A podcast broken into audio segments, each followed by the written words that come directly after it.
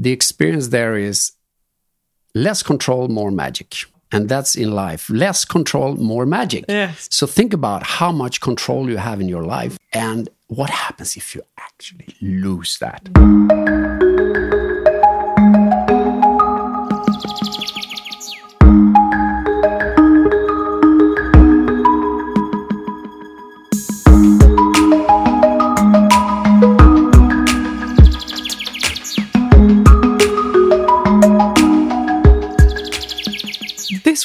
I am connecting with the wonderful soul, spirit, and human being, Peter Nilsson. I first met Peter a few weeks ago, and I felt such a deep connection to his authenticity and curiosity. I've been longing to have this conversation with him on a podcast, so no wonder it turned out to be two hours. I would highly recommend everyone to listen to every single second of this episode. I promise you that you will get great insights. Peter Nilsson is a certified communicologist, founder of Framtidens Team, Team of the Future, and author of the book series How Hard Can It Be? Most of all, he is a person who radiates out of curiosity, authenticity, and a desire to live his life to its fullest. I am deeply inspired by everything that Peter is and does. In this conversation, we talk about psychedelic experiences and ego death. What is the difference between plant medicines and drugs? We talk about the power of living with intention in every single moment, and why less control will give you more magic in life. We also talk about how your life is a result of your presuppositions and how you can do to change them in order to achieve what you desire. We also talk about masculinity and the power of vulnerability. I also want to cover the fact that this episode is recorded outside in nature, so you will be blessed with some singing birds in the background and some airplanes taking people to their dream destination. I guess that is a bonus for this week's episode. The conclusion for this conversation is definitely less control, more magic. My name is Madeleine Mofjärd, and you are listening to the Mofjärd Talks podcast.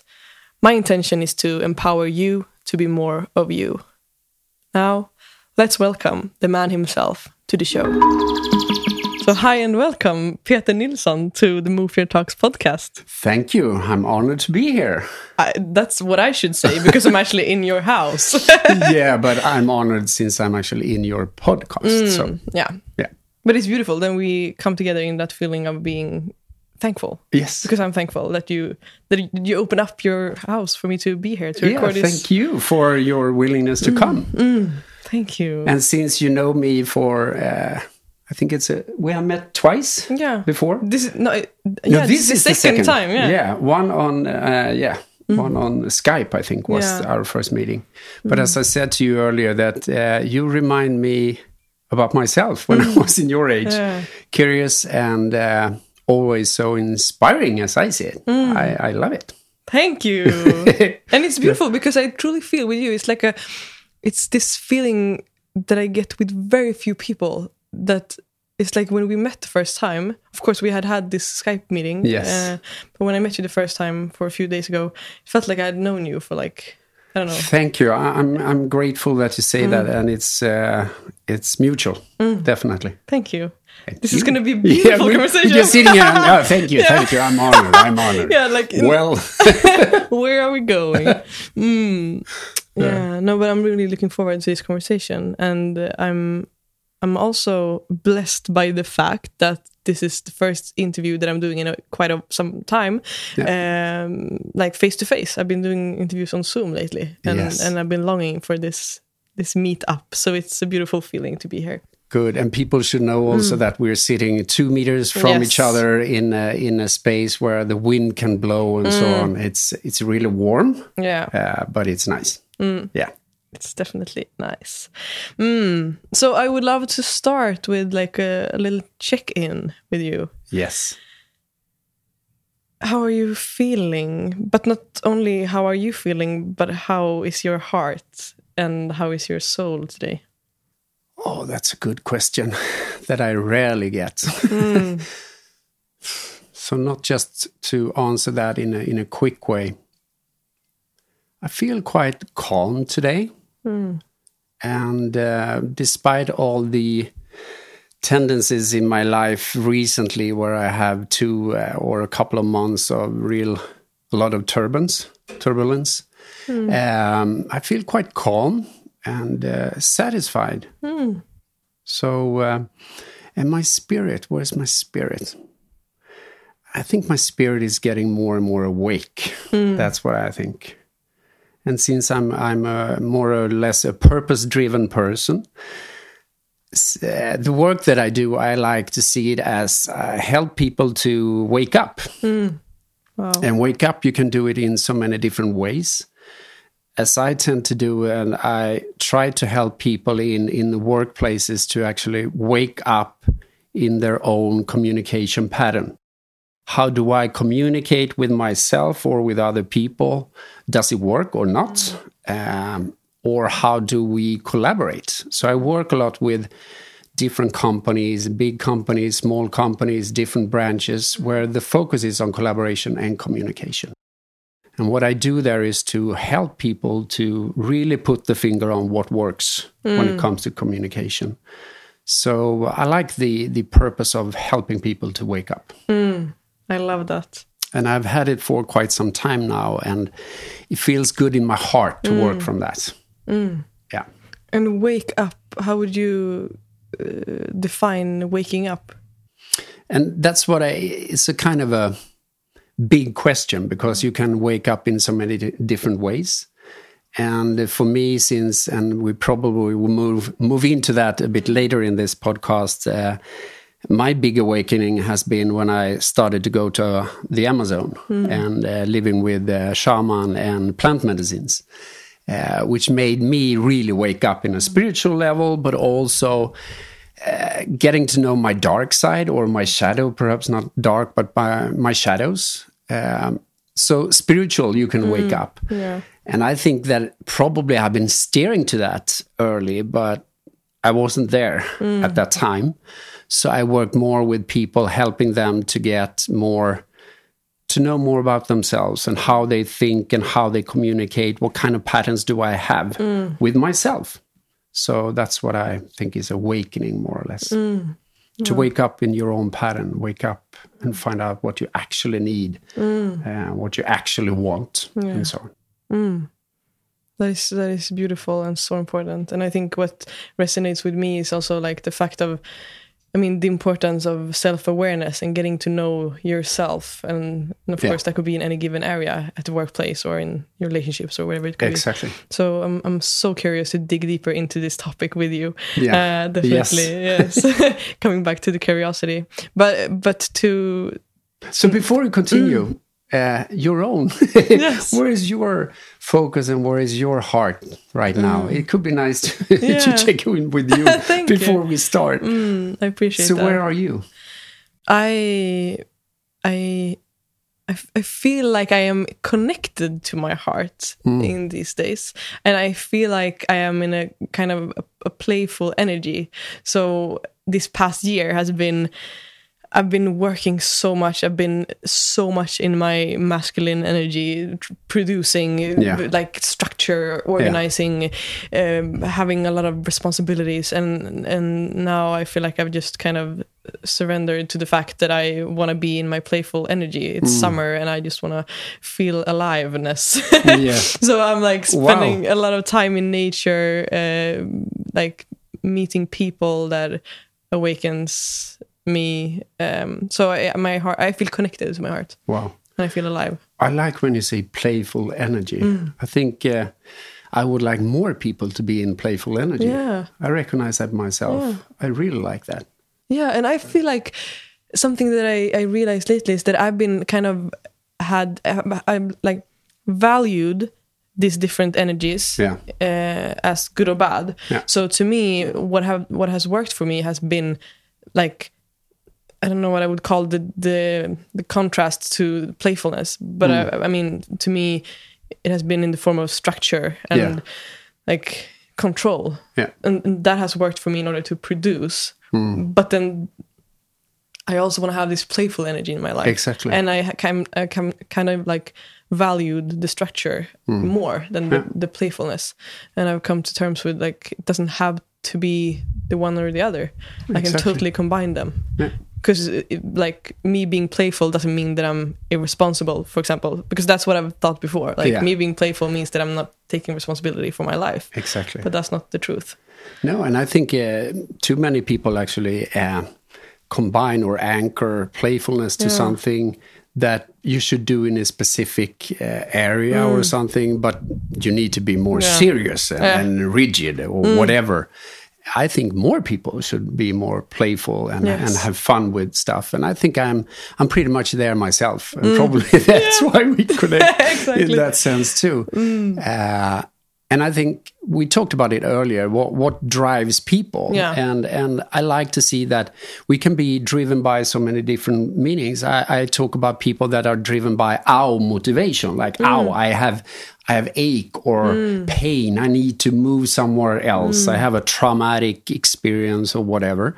Or you can have be goal driven, hmm. like I want to. As I was when I was a young kid, I wanted to be the fastest man on earth, like in, in track and field, and um, that was a goal for me, and that was a driving force. But nowadays, and and a couple years before, I'm I recognize myself be more driven by curiosity. Mm. Th- that drives me, and it could be nice also to start to identify what is my driving force. Is it mm. our motivation or is it goal motivation? Because I need to reach something that mm. someone else wanted me to reach it. Perhaps it's not mm, by myself. It's my parents who wants me to become the the best econom uh, leader there Yeah. or whatever, chief executive in that company or whatever. Mm. Perhaps it's not even my own driving mm. force. Yes. So, and I think w- when I s- met you the first time, I recognized that uh, curiosity and and more of state driven. Like I want to reach some states, mm. some emotions that are more important, and I like that instead of having other types of motivation. Of course. yeah that's definitely a point where we we we meet and i think that the curiosity is a key but do you think the curiosity has always been there for you or is that something that you have developed That's a good question. I think I was curious as a kid, and it has probably growing um, recently. I think it's more. I was not the most curious kid, but I was curious. But it came.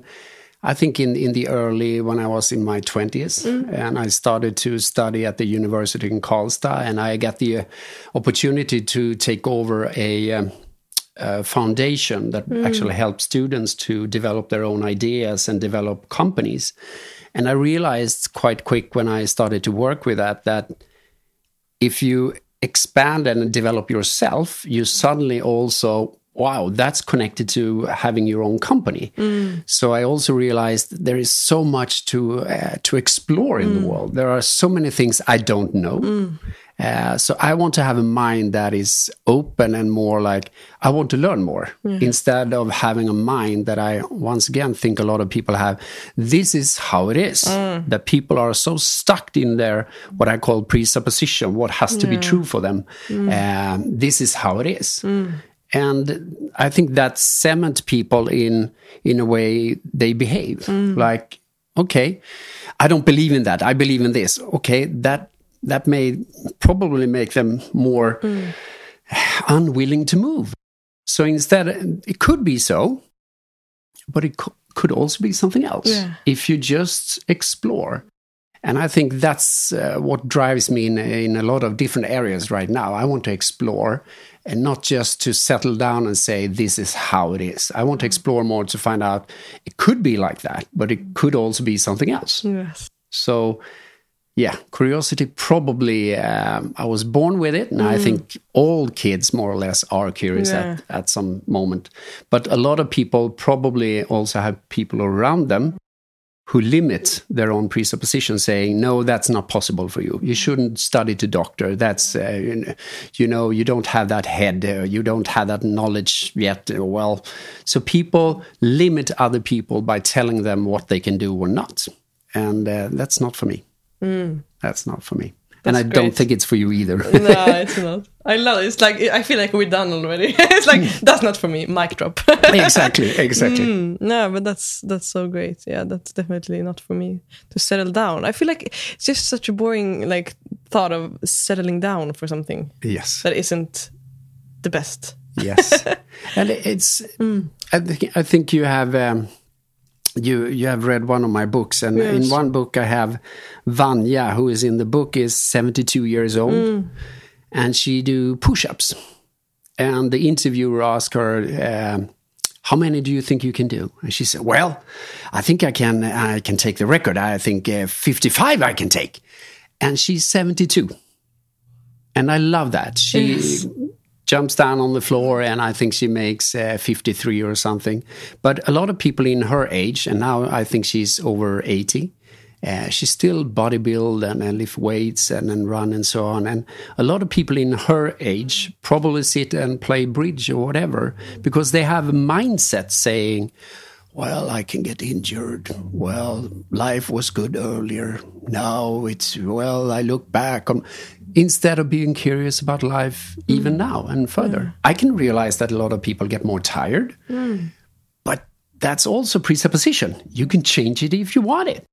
So it's more of a mindset, what you what you fill your own mind with, and um, just to have fun with it. And that's what I like when you talk about playful energy, because that's also presupposition.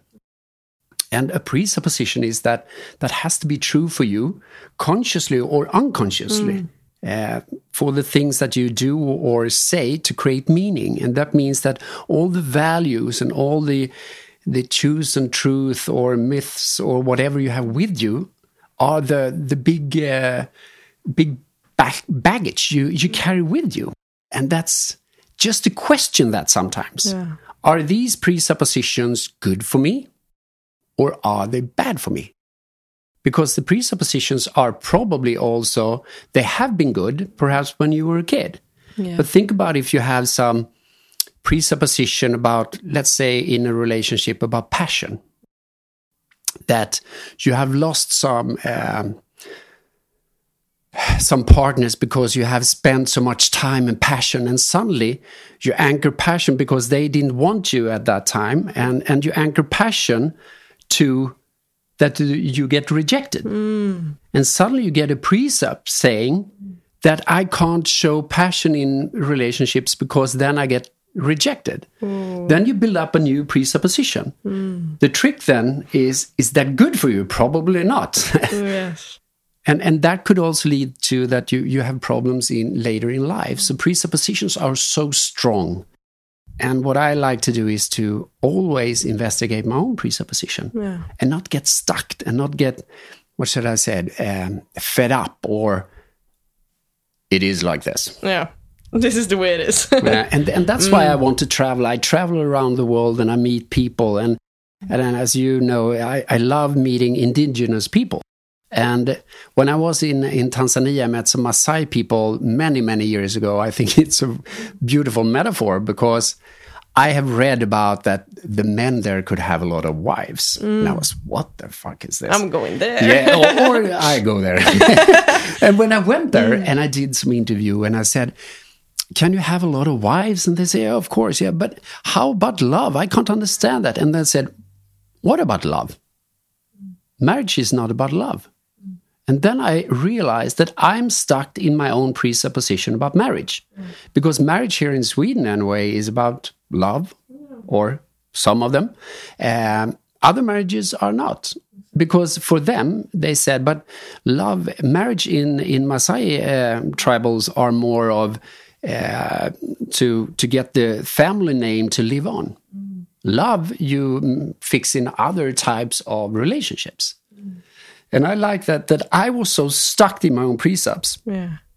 Uh, precepts is, is a shortness of of uh, of presupposition. So I was so stuck, and I, that's what I was starting the whole interview. Instead, I should have found out that wait a minute, they have their own presupposition. It's not about right or wrong. We're different. So that, I think that is something we could really investigate even more with people, with myself, and always investigate: is this good or is it bad for me? and of course we evaluate and and move on mm. and the question like does this really serve me is this a belief that i do want to have exactly mm. exactly and something that i took with me from our last conversation when we when we met for the first time uh, you were talking a little bit about like how wired we are with our subconscious mind and how how many of our decisions are based of like yes. old programming and conditioning. Yes. Would you like to talk a little bit about yeah, that? Yeah, I like it. This is uh, not me, myself, and I who invented it.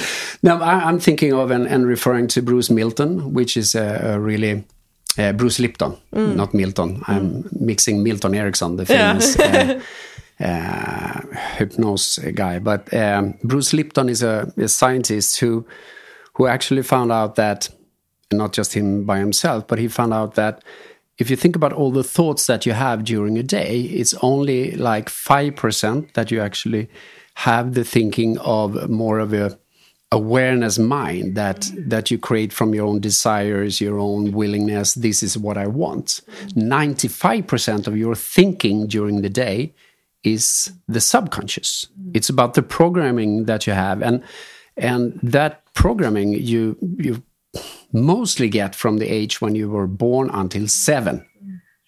and that means that you when you are a, a, a kid or a child, you observe all the people around you, mm-hmm. and you observe and you take on your own behaviors from what you see. From your parents, the people in your surroundings, and so on. And was what Bruce Lipton also came up with is that of those 95%, more than 70% is self sabotaging. Mm. So think about that. More than 70% of those 95% is self sabotaging uh, thinking. And just to realize that that is pretty much that we are we think we steer our own life mm. but as a matter of fact we don't mm. it's based on the presuppositions we are carrying with us so one big step could be that just bring up and be aware of your own presupposition what kind of presupposition do i have about relationships mm. what kind of presuppositions do i have about myself as a leader what presupposition do I have about collaboration in my own management team, whatever. Because I think people are not bringing those up. People are just acting on a behavioral level. And then we are so quick at uh, judging other people from a behavior. Mm. But we don't know. We see the top of an iceberg, but we don't know what's behind the iceberg.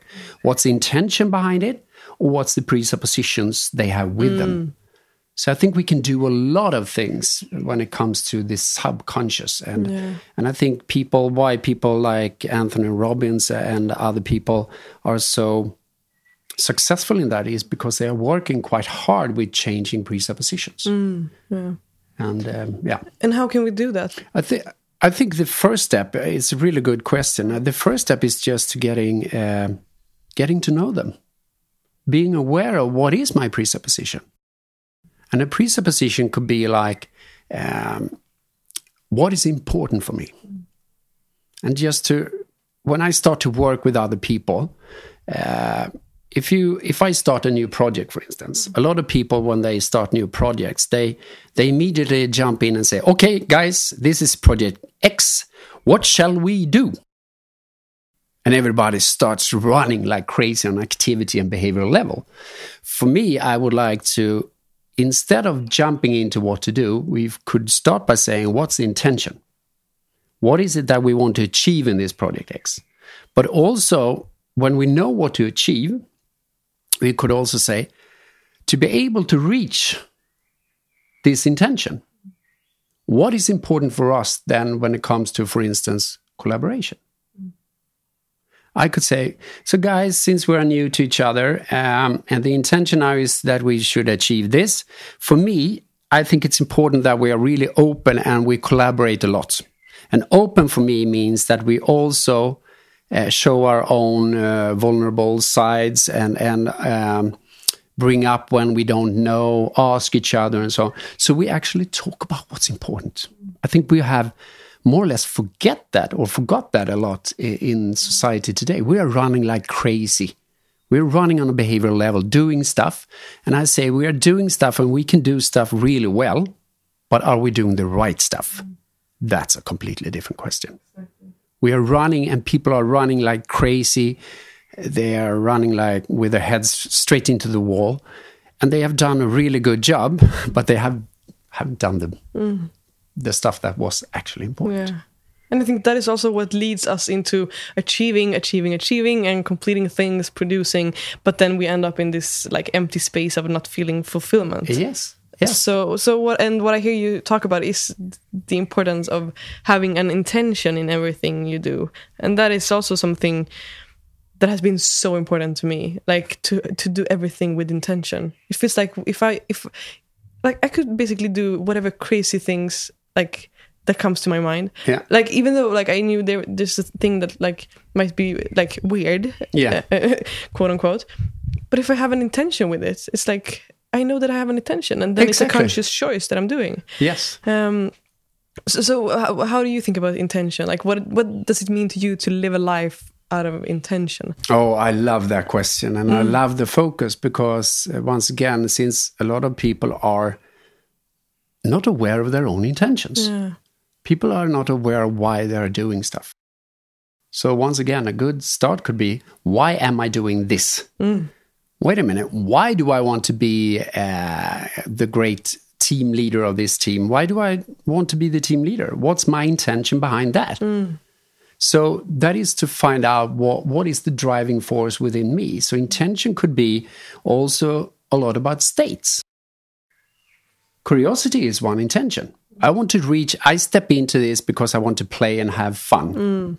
If I step into a frame where I want to investigate my own borders or whatever, uh, we have talked about it earlier, and I know that you had Fredrik Swan in this uh, about Tantra, and also that is also it's so state driven. That is something else than having you should do this or that. So for me, every time I step into a meeting, and I think a lot of people forget about that too. People are stepping into meetings without knowing the intention. Yeah. That's for me crazy. That's totally insane. Yeah. If you don't know about the intention, what you want to achieve with the meeting, how the hell, excuse me, should you know who should participate in the meeting? If you don't even know the intention with the meeting, hmm. How do you know that the right people are on this meeting? And to be honest, a lot of people now running to meetings and uh, they are just structureless, they are frame loose, and they are gliding, and they are on different uh, what I call logical levels, and they are, yeah, it's it's a mess as I see it. So more structure is found in intention Wow. and and also to find out that sometimes people say to me but peter we had a clear purpose of this uh, meeting that was to discuss uh, a for instance. And then i said wait a minute to discuss a? Is that a verb or is it something else? Isn't that an activity itself? Yeah. to discuss is an activity it's a verb. But instead you should aim for a noun or adjective like uh, i want to with this discussion i want us all to be at the same page. I want to create a common view. That's an intention. Or i want to make it very clear what next step should be. That is an intention. So be aware of not mixing intention with something else. Mm. But it feels like isn't it the whole issue that like we are so driven by results so when you for example say that to that like leader of that Yeah. meeting like yeah but we had an intention we were going to discuss this thing to him it might be more important to actually have discussion than Yes. like because there there isn't a result in everyone being on the same page for example or Yeah. that it isn't measurable Yeah. or to me for example when i do this podcast to me the intention with us being here is like i want to be curious i want to be real i want to be present that's Yeah. like my three key points Exactly. but i can't really measure that Yeah. But So- for me, you can. Mm-hmm. Because states you can measure. And I think that's a trick because Cool. too few measure that. Because if, for instance, if, if we step into a meeting and say that the meeting here is to create curiosity, then I can ask the participants, are you curious now after what I've presented or not? Then you can have a quick check. So what I mean is that you can you can more measure states than I think a lot of people actually think they can do. So instead, I think we should have more state driven meetings where we should say, for instance, um, to be clarify or to have a clear something is, is an uh, objective or an intention itself, curiosity or whatever, uh, inspiration or whatever. You can measure it, but you have to ask people. And if you're more intention driven, you could also put the uh, energy and responsibility where it should be. And what I mean is then you could say, start a meeting saying, like, I want to create curiosity around our next step in this company. That's my intention. If I say that to the participants, I could also check during the meeting by saying, okay, guys, we have one more hour left. So, how many of you now are curious? Have I actually reached mm. my intention? If no, what shall we do? Mm. Then you put the responsibility where it should be. Because everyone is responsible for their own states and emotions. Mm. I'm not responsible for others, I'm responsible for myself. But I can be clear with it. And I could also say to other people, help me. So instead of me driving and, and so I think you there is so much power and potential in intention. Mm. And you can take intention everywhere.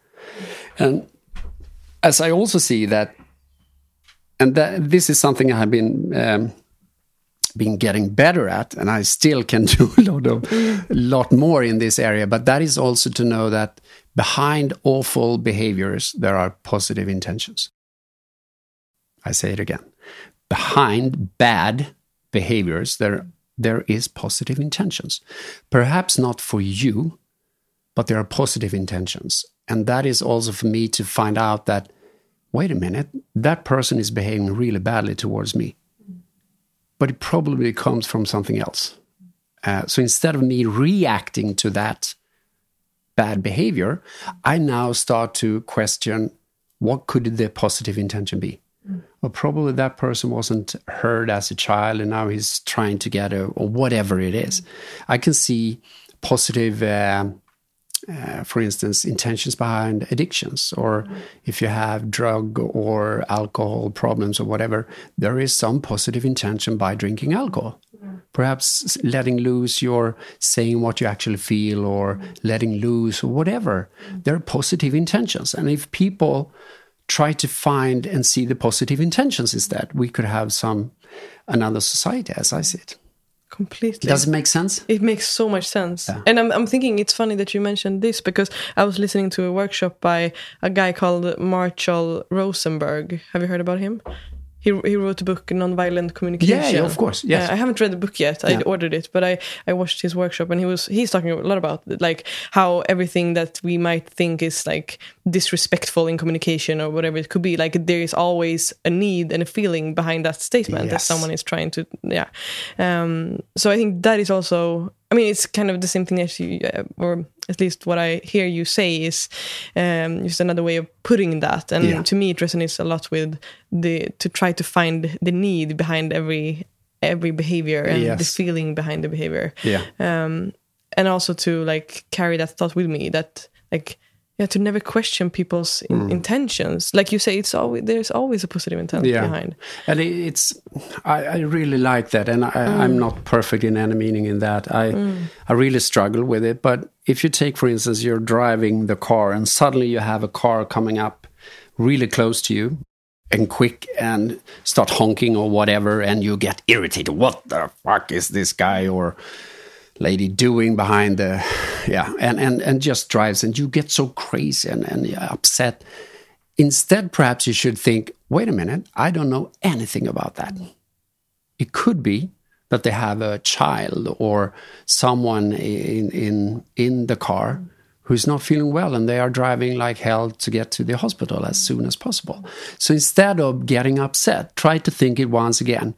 And for me, it's also about like, are you striving to to get understood or do you want to understand mm. that's yes. a completely different thing mm. because if you're if you're driving for and aiming for that understand me mm. can't you understand what what i'm saying here try to to understand the the person you you meet instead mm. where are they coming from because uh, in my work I I noticed that so many people are stuck in themselves that they forget about who do I meet, who do I meet. Mm. Wow. So, yeah. Mm. That was a lot. What was the question? Again? I don't remember. I don't even know. Mm. Intentional living. I yeah, intentional Mm. living. Yeah. So intention, you could use it everywhere. And I realized that when um, when my wife, uh, when we were together and we weren't married, and and she started to talk about getting married, and I know that the most pedagogical thing to say wasn't what I said because I said, "What's your intention behind that?" but for me, to be honest, it is really important to understand, not to get married. Just it's also to find out what's the intention, what is it that you want to achieve by getting married instead of just being together. So. Um, yeah, Mm, that's great. but but but do do you do you, is this something that you like apply consciously in your daily life, or is this something that is just like flowing through you? Is this Yeah, a part I- of who you are? hopefully uh, number 2 and i think of course i do it consciously but the more you do and practice the more you practice stuff consciously the more it actually gets into the vein or into your your system. So it's get it's more also like bruce lipton say how to change the sub programming he said be awake. Hmm. And how to be awake is also work with yourself mm. trying to be the more of the instead of reacting to stuff respond to stuff. That's a mm. completely different thing because if you react you react from uh, uh, immediately what you feel an emotion that comes. Respond for me is to to observe to be your own witness more or less. Mm. That you observe and then you respond in the best way from your intention and what what you experience from the holistic perspective. So react and respond are two different things. And the more you train the better it you become at it. Mm. So and as bruce lipton also says that practice practice repeat repeat repeat. Mm. That's the way of actually changing your own presuppositions too. Mm. Yes. so re- repetition. Wow. And I'm I'm curious because you're mentioning that your your curiosity has kind of always been there with you, but it's uh, yeah, Yeah. that you also have kind of encouraged it to be there and Yeah. to make it uh, like to give it the aliveness that it deserves. But you, um, it feels like your curiosity. It was your curiosity that brought you to the Amazon, yes and yeah, yeah. and I'm I'm curious to hear like how did you end up with, with in that journey? Yeah. There's a lot of things coming to me when, when you said that. Why was it that you actually landed in the Amazon? Um, for me, I think it was my subconscious uh, communicating with me that I needed to go there to create such a big pattern interruption in my life, to change a pattern, to to really wake me up. I thought I went there to because one, I love nature, and the Amazon and Indians has always interested me, uh, and also uh, I got from my uh, bonus daughter who started to talk about ayahuasca, and we will come to that uh, pretty soon. But ayahuasca is more or less a a kind of a um, something you drink, and the the uh, indigenous people in the Amazon has been drinking this for 4,000 years to create visions and heal themselves. 4,000 years.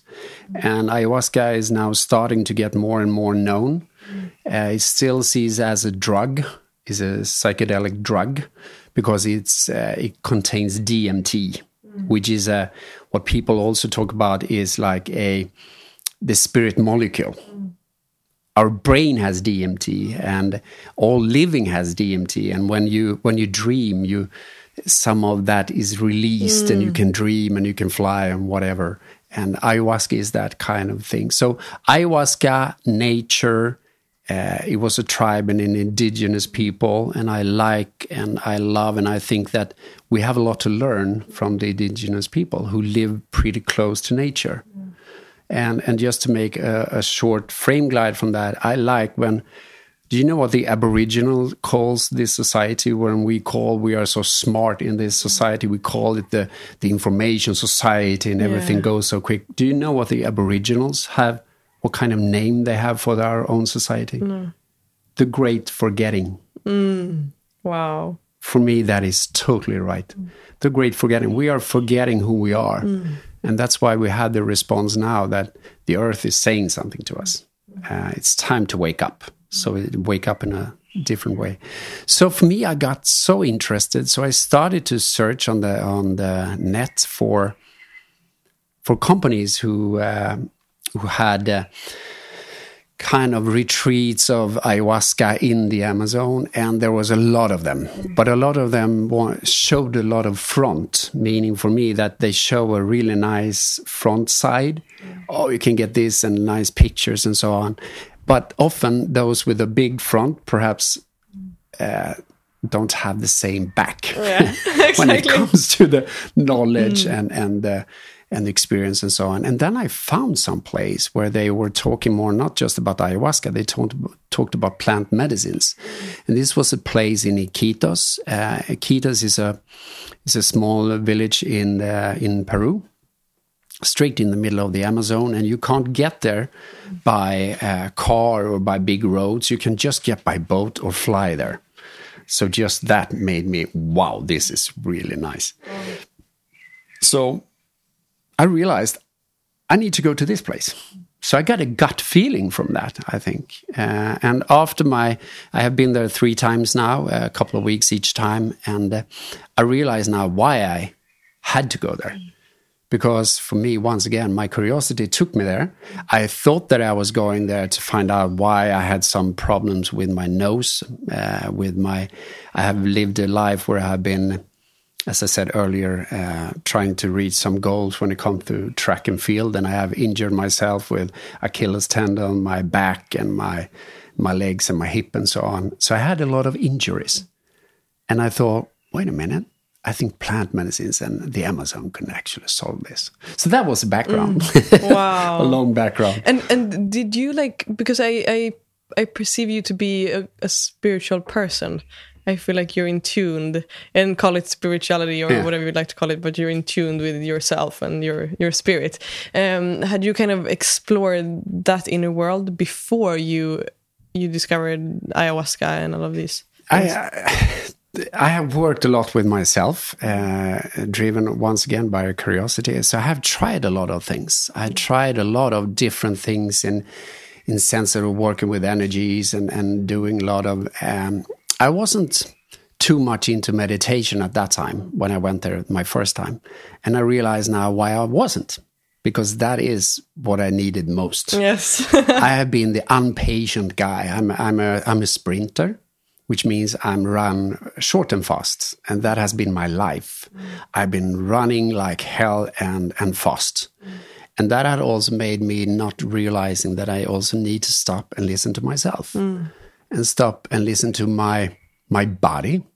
And to be honest, what I found out in, in the jungle uh, um, also helped me realizing that that I have been quite ego driven, ego driven. Like, um, why am I doing stuff?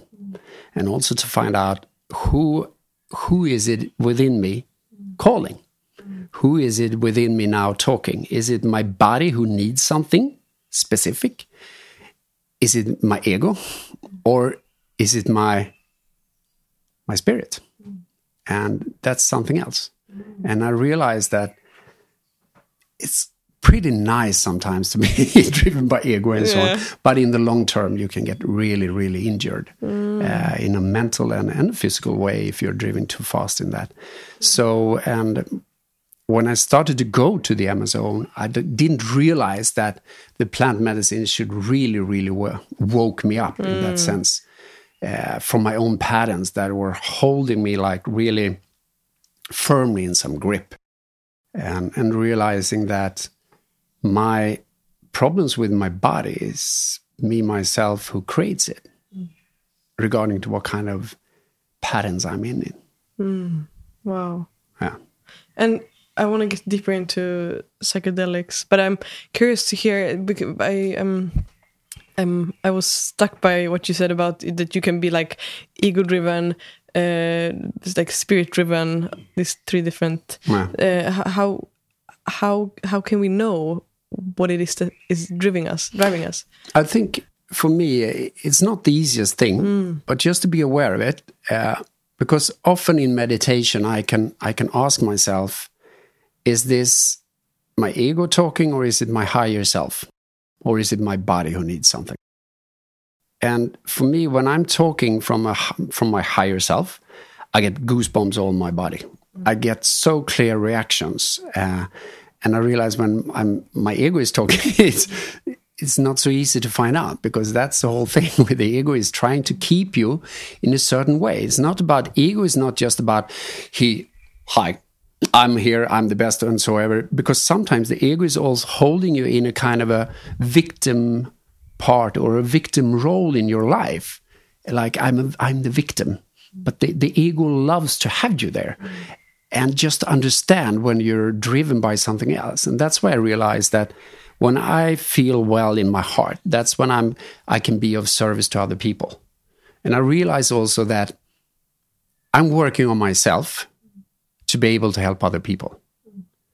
And I help other people to be able to work on myself. Mm. So it's what a beautiful cycle. Yeah, mm. so it's a cycle, and and I love it. And that's I think, to be honest, I think we are put on this earth to be of service. Yes definitely. So, and how can you do it in the best way?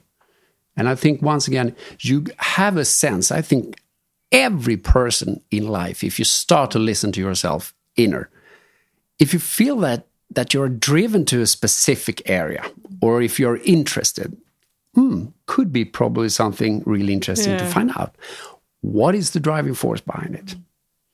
Is it that you want just acknowledgement or whatever? Eh, I want to reach that, whatever. Wasn't you seen as a child, or whatever? Is it that drives you? Mm. But I think when you really land in yourself and in your heart, you can really find out mm. when you have the higher self, when you're talking about from that.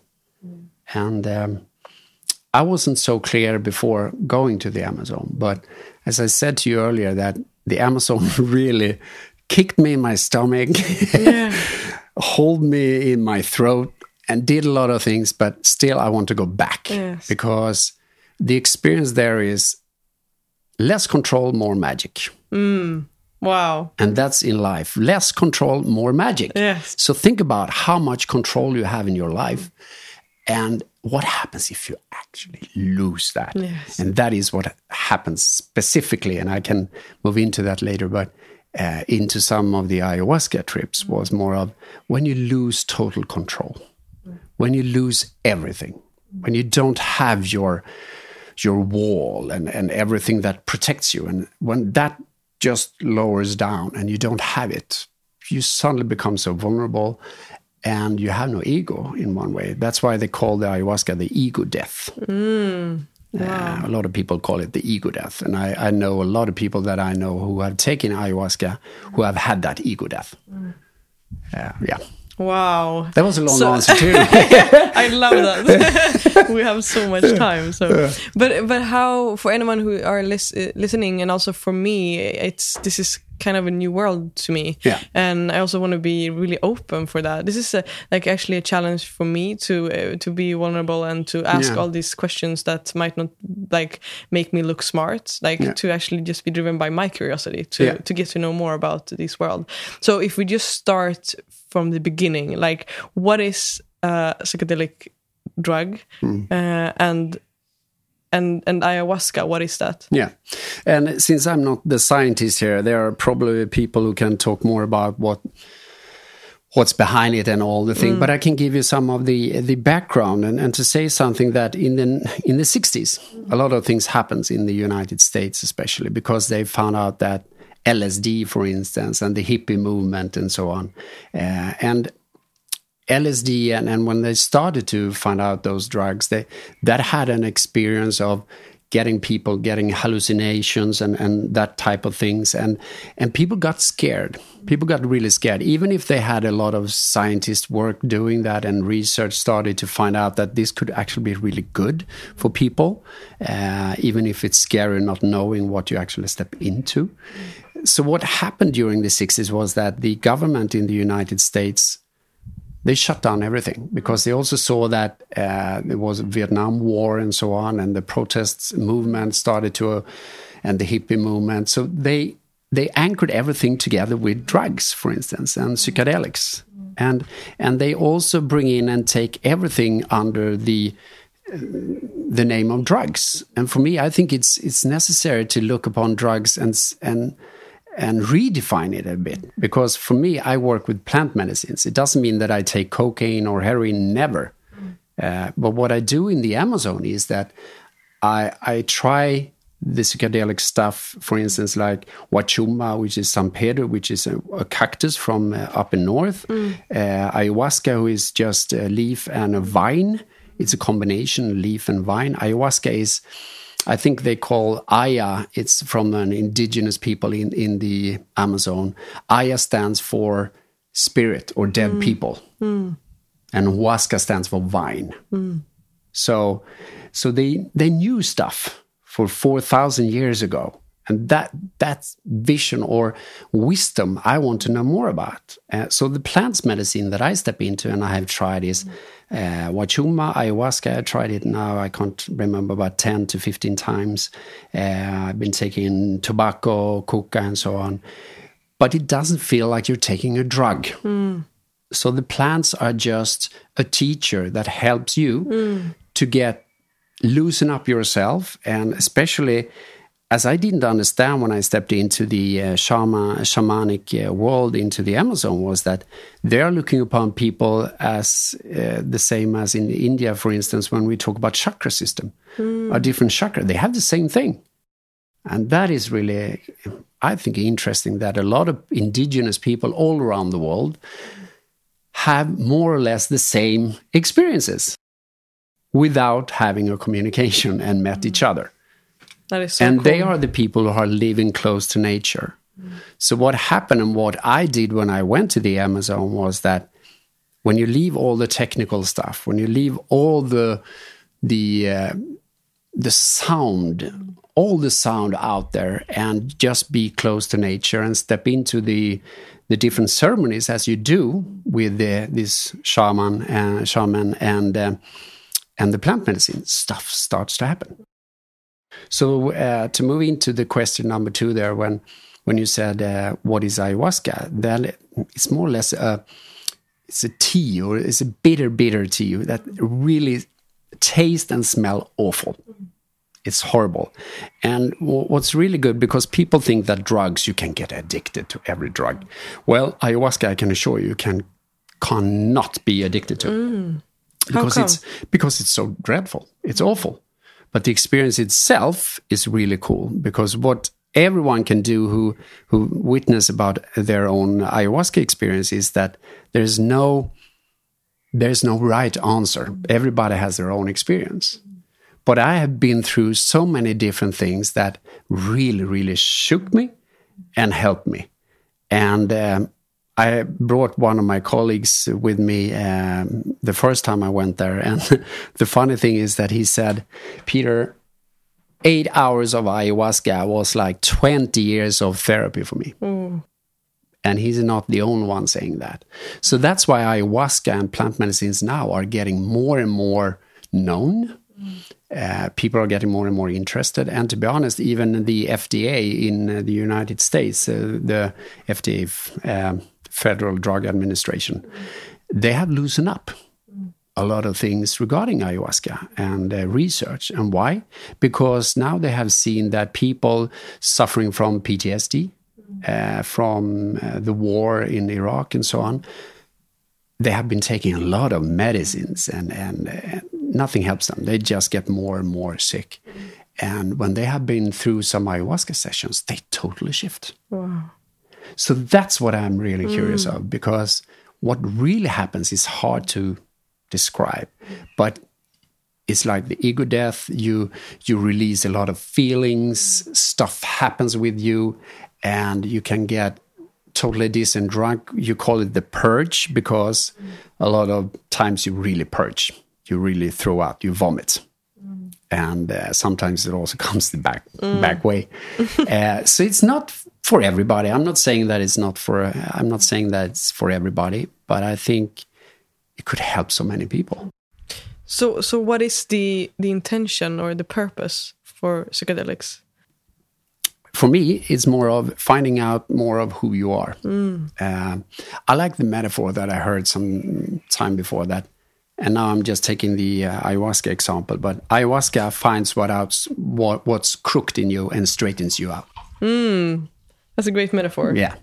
And would you like to explain a little bit more about like the difference Yeah. between psychedelics and like what we would consider to be like normal drugs? Yeah, I, I would like to take it to where we where we talked about earlier because we talked about intention. Mm. And for me, and I can't talk about uh, like say cocaine or heroin because I haven't tried that and I won't do it either. I'm not interested in that. For me, a lot of drugs today in society is driven by people who don't want they want to escape because they are not happy with their lives. They want to escape from something or their own fears or whatever, or they are not satisfied with life and with society. Uh, for me, the uh, the psychedelics is something else. You you could be more driven of finding. The intention is curiosity. Yes. The intention is to find out more about yourself. And if that's a cool, smart way, and it's it's a kind, as I see, it's not so scary either. Or of course, it could be really scary, Yeah. but it's not scary in the sense of that it's you don't know what's in it. It's more like it's from the plants. It was here from the beginning. So instead of taking some things that you don't know, and it's for me, it's terrible that you can go into a pharmacy and get whatever you want, and really scary stuff uh, sometimes. That uh, could be really more like drugs, keeping you in a, in a way that you are more or less a sheep. You're acting like yeah, you're doing whatever uh, other people are doing instead of wake up and try to okay wait a minute this system i'm not i'm not behind this system. I want to change this system. Because once again for me not to be very philosophic about it but i think we have the society that we deserve in one way because it's a the society today is a projection of our own selves. So we need to find out that to change and create some new society we need to change start with ourselves. And if we don't dare to look upon our own shadow sides, how the hell should we be able to change the society? So instead of uh, blaming Trump and oh he's such a guy, blah, perhaps you should, you need to see Trump within yourself. That's where real change lies. And I like when uh, Mother uh, Mother Teresa uh, Teresa uh, when she went to India and some uh, people said, "Oh, it's so nice that you're going to help people." Uh, was it that that's why you wanted to go there? And she said, "No, I found out that I had Hitler within myself, so I needed to go there." For me, that's totally what it's all about. To acknowledge who you are, acknowledge what you have within you, and do something about it. That's something else. So psychedelics can help you with that. And once again, there is so many more things into psychedelics that I haven't tried. But the things that I have tried in the sense and in the framing of the Amazon is for me remarkable. When they are hooked into each other, I saw magic there. And it was like, do you want me to, uh, to explain Yes, some of my please. experiences? Well, I can say my first experience with um, ayahuasca was that, and this was, uh, was it now, five years ago or four years ago. Uh, we stepped in into the jungle. There was there was no roads, nothing there, and I was like, "What the fuck have I? what am I doing here?" I brought my best friend and colleague, and probably could die here because that was a feeling that I got. Because you leave the safety and you move straight into the Amazon, and you have you hear all the noises and everything. And we came there, and suddenly we met some people who lived in in uh, small houses of, with poles and no walls. They were just net nets or, or, or as walls, and we realized, wow, what is this? What kind of place is this? And we sat down with a shaman and and talked about what we wanted to achieve with this trip. And they said that the first trip is uh, the first ceremony is an ayahuasca, so you could just step into that immediately. And it was just me and my friend who stepped in. It was a big, uh, big maloca, which is a big sala. Um, looks like a, a yoga place or something on high on poles. And uh, they said that before stepping into, once again, this is interesting. Be clear of your intentions. So I stepped in with uh, clarifying my first ayahuasca experience with my intention was ayahuasca, show me your potential. Wow, that's brave. and and then poof, Yeah. I got such a nice experience. I was breathing really uh, much. I was throwing up a bit, but not too scary. I, I I had a bucket where I was, you know, throwing up, and I I saw in the bucket some like really crazy, like snakes coming up, but I I just put it aside, and I just lay down on the on the uh, on the floor, and I just breathe, was breathing and so on, and suddenly I got such an explosion in my head of I was flying over the Amazon. I saw the Inca pyramids and I was back in, in time. And suddenly I was up in space. I was lying in a, and I could recognize people who have said that they have been, you know, uh, taken by aliens because I was lying in an alien aircraft and, and a UFO. And, and, but I wasn't scared. It was like they were explaining stuff for me instead. And, and then bang, back again. And I got such feeling and all my injuries in my body started to get warm and I saw energy coming to it. And I had such a great experience. Wow. So I was like, oh, this is heaven. This is mm. magic. Yeah. I've been connected. It was like I was connected to everything. So I was so filled up with that experience. So the next time, the second round that I was when I was taking ayahuasca, I I stepped in and I was daring enough and I was all dressed up in white. and I said to ayahuasca when I took this uh, this tea, the bitter bitter tea, ayahuasca, show me all the problems with myself. All i want to know all the background with all my problems in my body. Show me all the all the answers behind my problems with my body. That's a kind of major question. I didn't realize that because i was so upfilled. And i realized ayahuasca wanted me to have that first expression uh, experience so i could step into the second. And my god that was a that was one of the worst thing I've done in my entire life because I got such a really dark trip. I I ended up, and I realized what I did also was when I saw those worms uh, the, with tooth or snakes coming up, I just put my head down there, and I got a vision that I saw uh, I saw a river. On one side it was bright with all the lights and it was beautiful colors. And i oh but i was there yesterday so let's stay in this dark side. So i didn't take the ferry over which meant that i wanted to stay in my dark side. And i experienced such a awful thing that i thought never would end because it felt like i was i was repeating a pattern i have heard um, because they not just the shaman they have helpers with them so they they could actually help. So what happened with me then was that i ended up in in a kind of a circle of doing re- things repeatedly uh, like vomiting looking up my whole head was spinning uh, i was uh, more or less taking my hair and, and hitting myself a bit in my face and then laying down and i couldn't lay down because i was so i felt drunk. I felt totally drunk.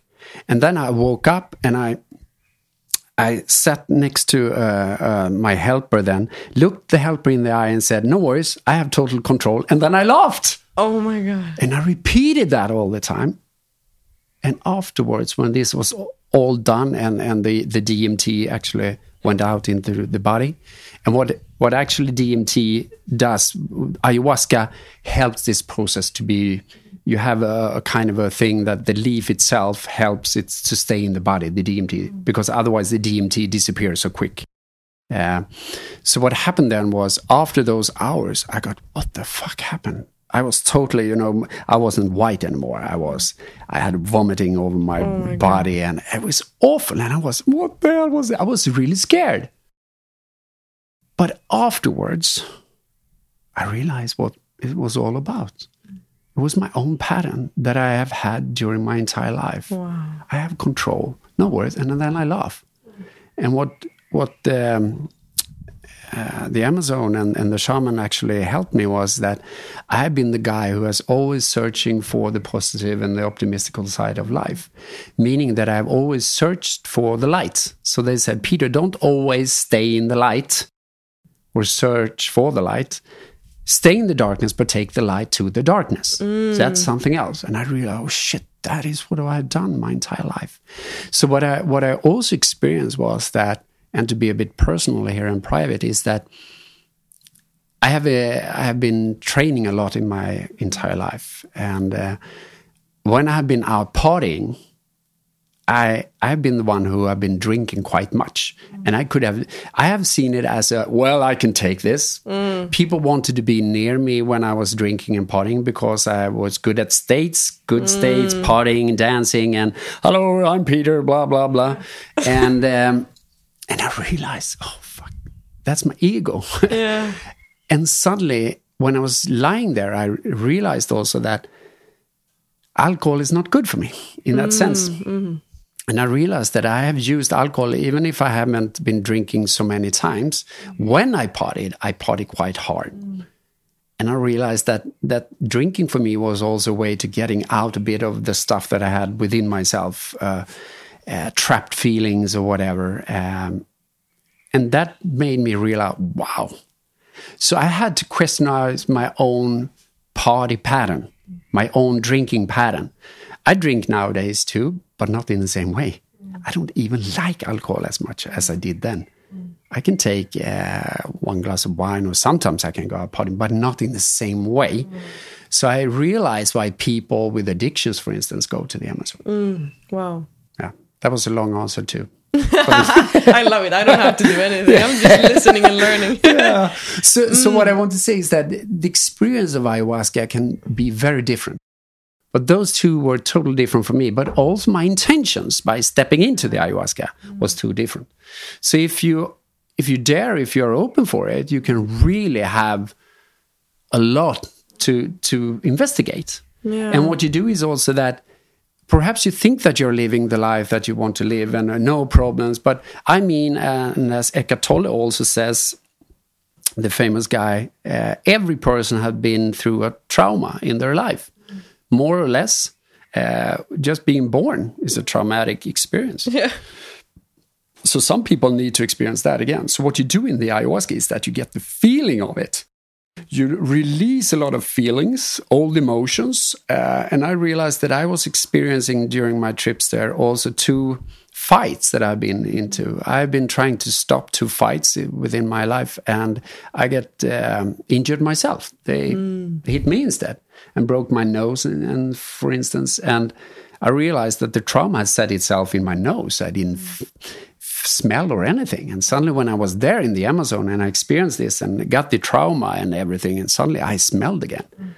Uh, so during that time, now it's not the best thing again, but just realizing, wow, what what we can do with our minds and our bodies. We have such a capacity if we have that presupposition where we started.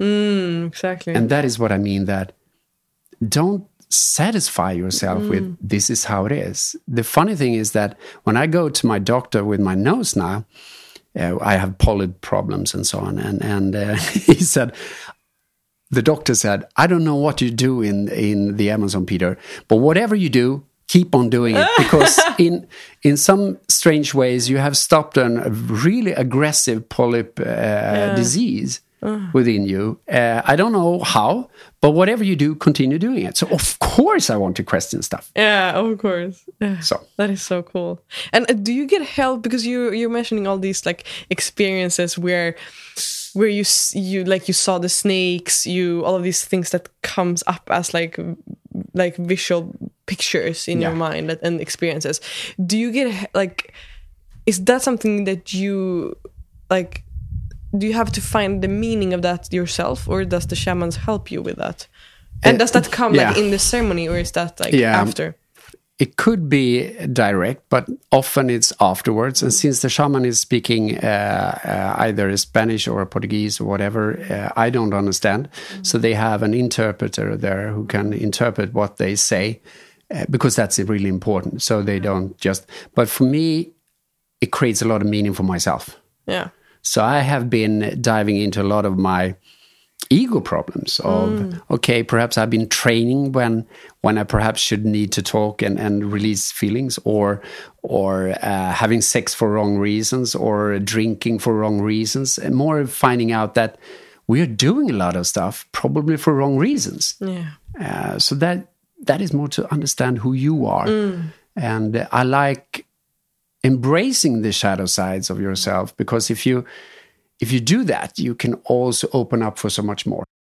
And that was another experience that i had when when i had a week i was really struggling with my own shadow sides and and when i embraced it well, it came to me like an anaconda like uh, this big snake and and i got the experience of and that was really crazy because the experience started very visionary that I saw myself, a part of myself, saying, Peter, come, let's go and have this pool party. And suddenly I saw a big pool party with a lot of uh, girls and, and drinks and, and friends all around. And, and the other part of me said, come on, let's go, let's have a nice pool party. And I said, wait a minute, no, I don't want to go there now. We have to work together. And then I hooked arm to myself uh, in my vision. And I said, we need to do this together. And then suddenly we just left that pool party. And suddenly, pang, smash, I was sent out and I went to the Egypt. And this was so strange because suddenly I was talking to a phar- pharaoh king there. Yeah. And I said to him, I remember still, I realize what you have been, how you have been building the, the pyramids. It's about how we work in our inner self with our shadow sides and so on. So it was a nice, and then pang, I just flew to, and I saw this big, big library with a lot of books. And it was like, oh, this is all the world's wisdom, like wisdom, you see it. But beneath that, there was a thin, thin line and suddenly I saw small small figures who now I realize was the, what what you call the seven death sins. Hmm. Do you know the yeah the, Yeah. the seven Mm, death sins? Hmm. And for me, it just became very clear. Oh my God, it's a thin line between the wisdom and being there. So that made me just realize: be humble Yeah. be humble in life. Don't judge other people. You don't know the heck what hmm. they have been through. Uh, be curious about life and learn more. So there are so many experiences that I have had in the jungle that have helped me to put the finger on what I probably needed to change a pattern that would, in the long run, not be healthy. So, would you say that psychedelics is for people that are already conscious? It's a good question, and I need to think about that. I would like to say that I think people know if it's for them or not. Meaning that I think the ones who aren't into this will not be listening this far in this conversation. exactly who the hell is that guy? Why he won't come to my company Exactly. anymore? but the funny thing is, the more I talk about this in the big companies that I work in, uh, I get very interested people. And uh, one year we took uh, two uh, kind of high managers into companies with us because they were really interested. So, so not it's not just about a liberation and, and drug free and hippie culture. No, it's not about that. It's more of this is ancient wisdom. For me, is that is more of a right frame for me to step into ancient wisdom, to really find out what do they know. And it's once again, when you're there, you're also one with everything. You're one with nature. You're one with. Suddenly, you start, or you, I started to feel anyway. I started to feel so much more than I have felt in my entire life Wow. and that is really beautiful and and just to notice what happens is that when we live in this society it's so easy that we we totally forget who we are we uh, and as the a lot of the uh, indigenous people talk about there's only or the shamanic uh, way of thinking is that there's only one sickness in the world there's only one sickness behind every everything and they said that is when people lose the contact with themselves and when they lose contact with themselves and Mother Nature, we lose everything. The symptoms could be so many, but it's the same thing.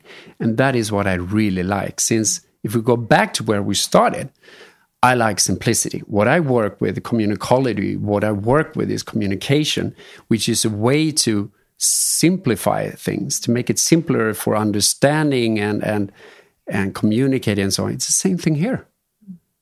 Don't make things too complicated, as mm. I said. Wow. And something that I'm I'm thinking, of course, like I we were laughing at the people who are like skeptical might not be listening anymore, but let's hope they are. Yeah, um, I challenge them. Exactly. So I'm curious because I think if you if you are if if you're a skeptical person, you might be thinking that like, yeah, but couldn't you like work with your shadow sides mm. without yeah. taking psychedelics? Yeah. What are your thoughts on that? Yes, you can. Mm. And uh, there are faster ways and slower ways. Mm. And I think it, it's a trick here. I like psychotherapy. Mm. I do. And I also think that sometimes it could be a trick of working with your brain on a conscious level all the time, of not finding out the subconscious or the unconscious side moving. You need to re, you need to let that loose. Yeah. So it's a trick if you because then you could say whatever you want to say because you steer it from your conscious side instead of, okay, what happens if I let my control go? So that is what psychedelics actually do. It's a, when you let the control go away, what happens then is when you when you lose your filter. So yes, you can do it in different ways, but I like the the way of losing control. What happens then? Because then I think you can really find out who you are. So once again, your brain can challenge you and fool you, which it make all, uh, a lot of times. So that's why I think I sitting and talking to other people could also be really nice, but sometimes it also keeping the ego part of yourself in the same way. So that is to challenge yourself in different ways. So uh, I want to challenge all the ones who listen, not perhaps to dive into psychedelics, but challenge themselves doing something that they haven't done before and do it differently. So there are so many things. And, and once again, I, I really love ancient wisdom. There is so much more. A leaf, a tree could uh, help me more sometimes than talking to a friend or a psychotherapist or whatever. It depends on what. And once again, if you're clear with your intentions, my God, this universe is really, really cool. Mm, yeah, it gives us really what we need. cool. Definitely. Mm, wow. And you were talking a little about I like the metaphor between like how control is what like what takes us away from freedom and we think control is what will guide us but yeah. uh, how do you how do you think about control in your life like having control and believing that control is the key yeah I, I, once again it's a good question because mm. control i think sometimes we don't realize that we are steered so much by control and fear uh, because we haven't understood our own presuppositions. We haven't understood what really, really holds on here in our own grip, in, our, in the patterns that we have. So for me, to lose control is to release that and let that go, uh, lower your guard. And, and what happens then if you're vulnerable?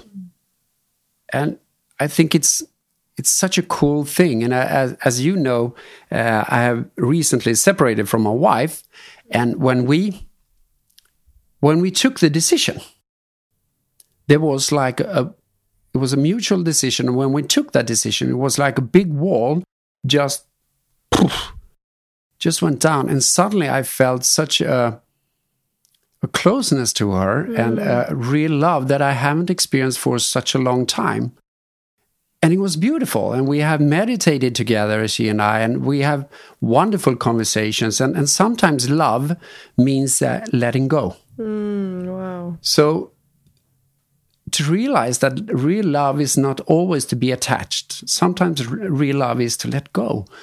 And and just yeah. Yeah. Wow. That is a beautiful metaphor for it that yeah. love can also be to let go yeah. Yeah. Mm.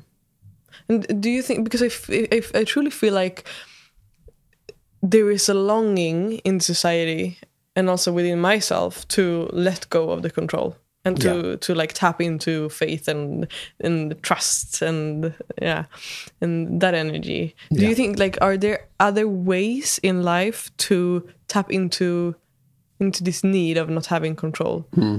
I mean of course psychedelics is one one path but then Yeah.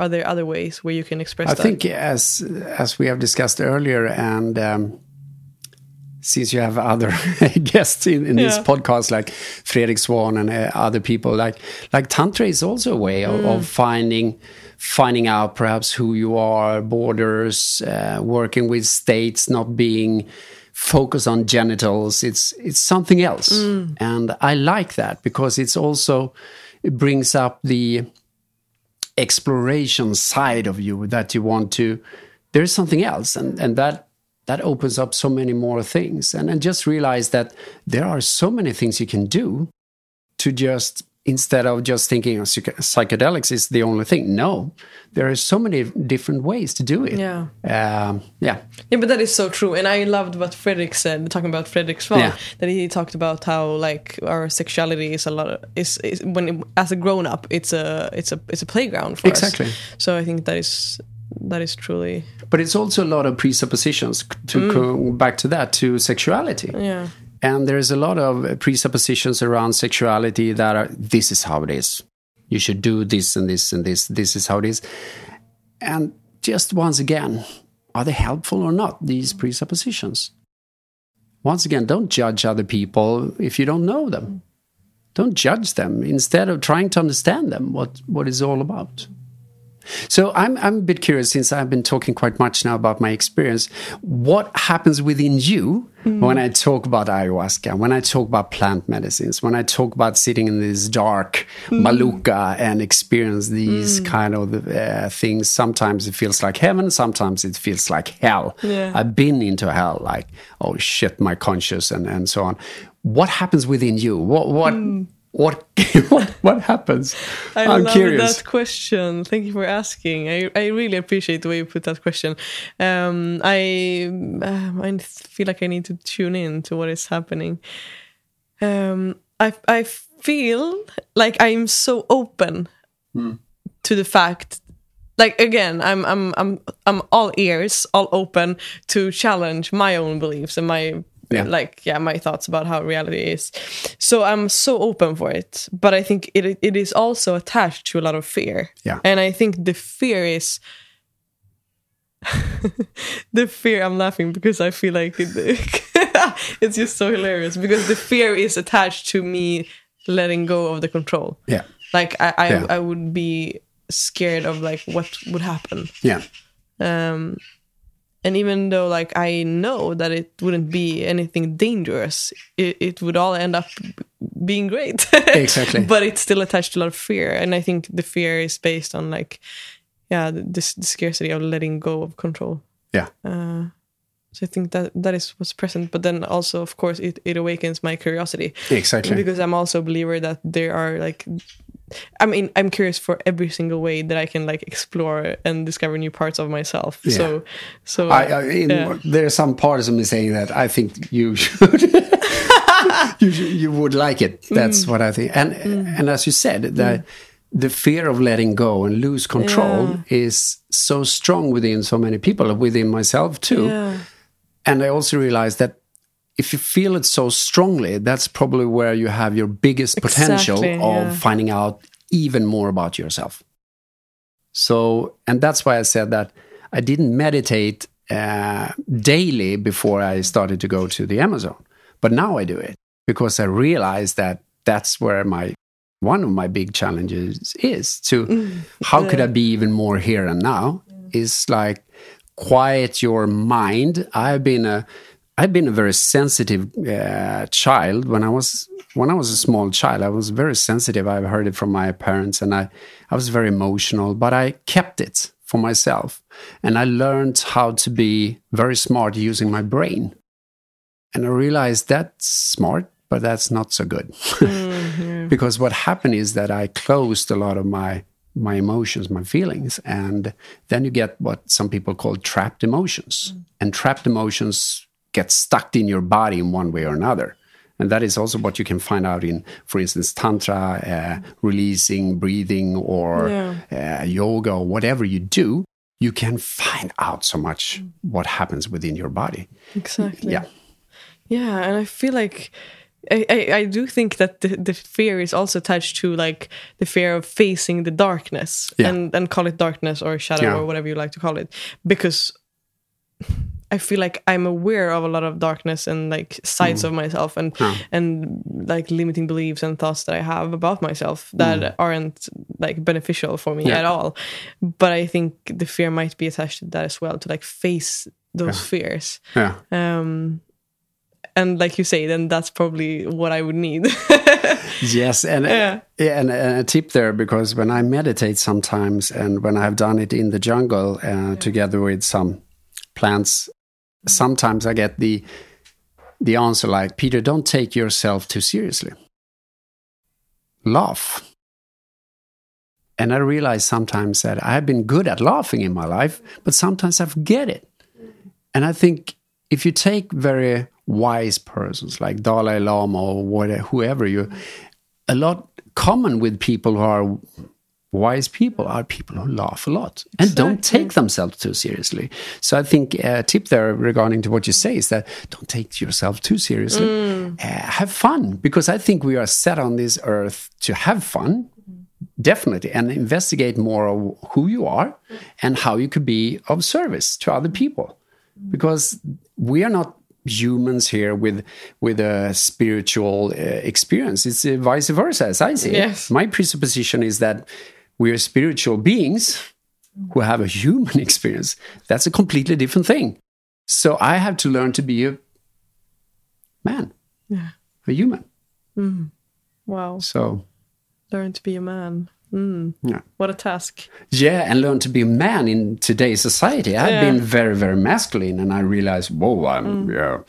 I've been training a lot, and I have been building up my body in a specific way, and uh, yeah, and I realized, what a funny story. Yeah. what a So, story. yeah, what a story. And that is also in in one of the um, experiences that I had with Huachumba, the the the San Pedro, the the cactus, was that I was sitting and and I was putting. This is really strange for the listeners, but I was putting clay on my uh, on my skin, and I realized first it became like a, what do you chameleon, chameleon, yeah. like the the the lizard. Uh, and it changed like really scary and i realized well this has been me i'm really skilled at meeting other people Oh, and yeah. and like that and getting my will and getting my intentions where i want them. And so I, i've been skilled at that. And then suddenly my entire the clay on my uh, my arms and on my body turned to be like a, what do you call it, an armor. Like a knight's armor. Wow.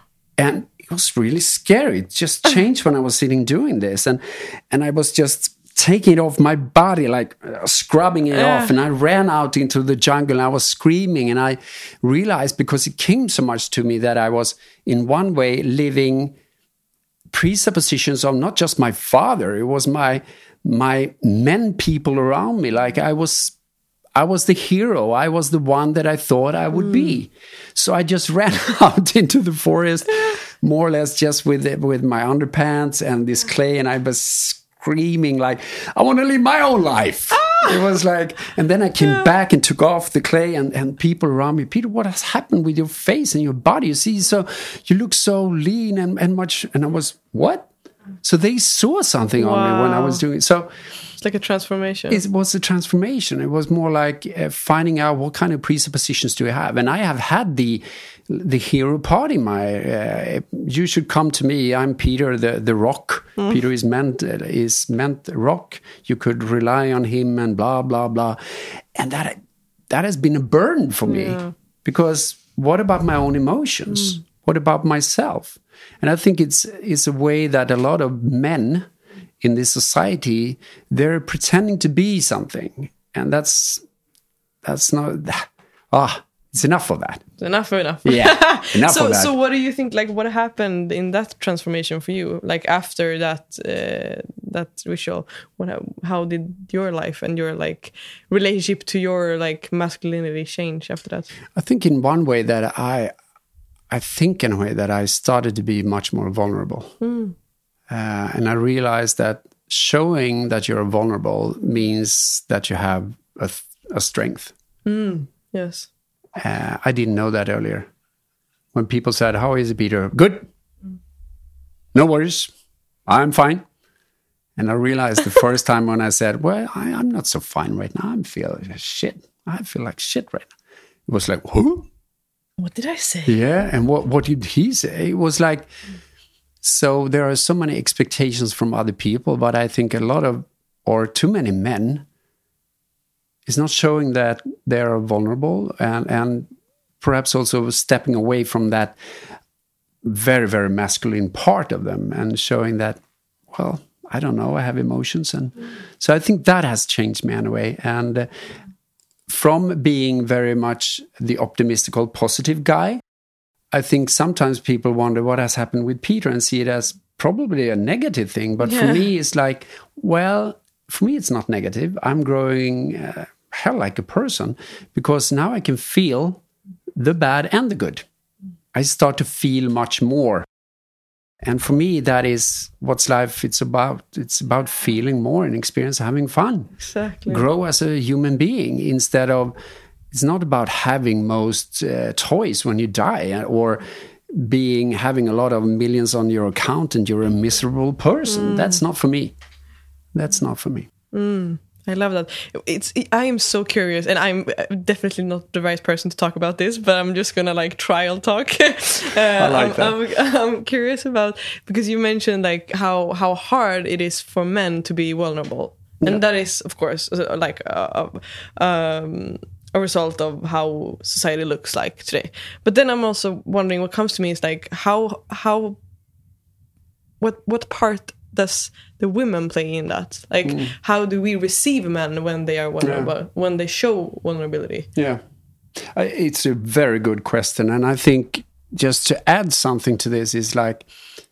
I really love the, the metaphor like you're always a part of a pattern. Yeah. You're always a part of a pattern. If you want to change someone, change your bloody self first. And that is something that really strikes me so many times. Like, if you want to change another person, change your bloody self first, because you're a part of it. We are, as a society, women in a lot of sense is upholding this pattern. So I think once again, I don't believe in war against stuff. No, exactly. Because then you have a wrong presupposition from the beginning. When we talk about women against men or yeah, whatever, exactly. it's more like we're in this together. It's like finding your own masculinity within yourself or or your feminine side. You have both, as you describe your yourself. And for me, it's it's more finding out also my my feminine side. Yeah. What's what's what's that about? So I think we're all playing a part in it, and we're mm. and I think we should help each other with love instead of uh, like, oh, you're doing wrong. It's too much right or wrong in this mm. society. Definitely. Too little what works mm. and what doesn't work. Too much. This is right. This is wrong. That's why we had this kind of society. Think about what would happen if one person, instead of, well, could this work? Let us find out. Could there be other kind of systems regarding this? If the intention is this, could we do it in a different way? We're so stuck to the ways that we're doing stuff traditionally.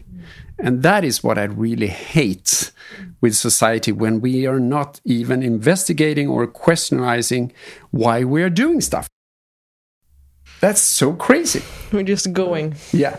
Mm. And it's a it's a good story if if uh, if I can take that. It's a story about that it was played out for uh, um, many years ago with um, in the Swedish military, and they uh, there were four people there, four military guys who were approaching a big gun, and they were seen or uh, supervised by the, the, officer who stood there who told them what to do that two people should you know move that uh, thing there and, and put in the yeah everything. And and two people were standing in front of this cannon doing nothing. And they were just standing there. And, and suddenly there came a, a guy who who started to investigate. Wait a minute. Is this so effective? People are two people are doing a lot of things here Uh, but two people are doing nothing. Uh, that can't be so effective. So what are they doing? And they didn't even know what they were doing. And then this guy who, who saw all this asked the officer, "Guy, um, I have to investigate. What is this? What? Why are they doing what they're doing? They are not doing anything. They are not helping. Well, they should stand here because that's uh, what what we have done before." So he didn't get an answer. He didn't understand what the two people were doing. But suddenly, after uh, a couple of hours, this guy met a really old man and this guy described this was so ineffective. And this old guy was an old veteran from the Boer War down in South Africa in the late 1890s or something, the Boer War. And the old man started to laugh and said, I know what the two persons are doing. And he said, How could you know? You haven't been in the military for so long. That's why I know, he said. The two guys doing nothing, they are the ones who are supposed to hold the horses when the when they fire the cannon, mm. so they are not running away mm. with the cannon. But the trick here was that they didn't have any any horses left, but they have the one. They had the persons who hold the horses, but they have no horses left. So it's the same thing in a lot of companies. We have a lot of people, sorry to say, that holding the horses. Yeah.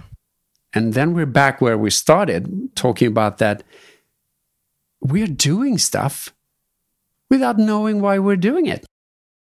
We're not even question the intention behind it. So once again, you can go back and ask, wait a minute, is it so smart that I said, what's the intention? If someone who would have said that the intention is to hold the horse if uh, when you fire the cannon. Well, wait a minute, we haven't had any horses in this uh, regiment for at least 50 years. Should I still say? No, of course you shouldn't. Mm. You should do something more pr- productive. Yeah. So that tells me a lot about society today. And that's why I work with what I do. I want to help people to wake up, question what you're doing, but do it in a smart way. Mm. Instead of saying, ah, blaming other people, what can I do to change?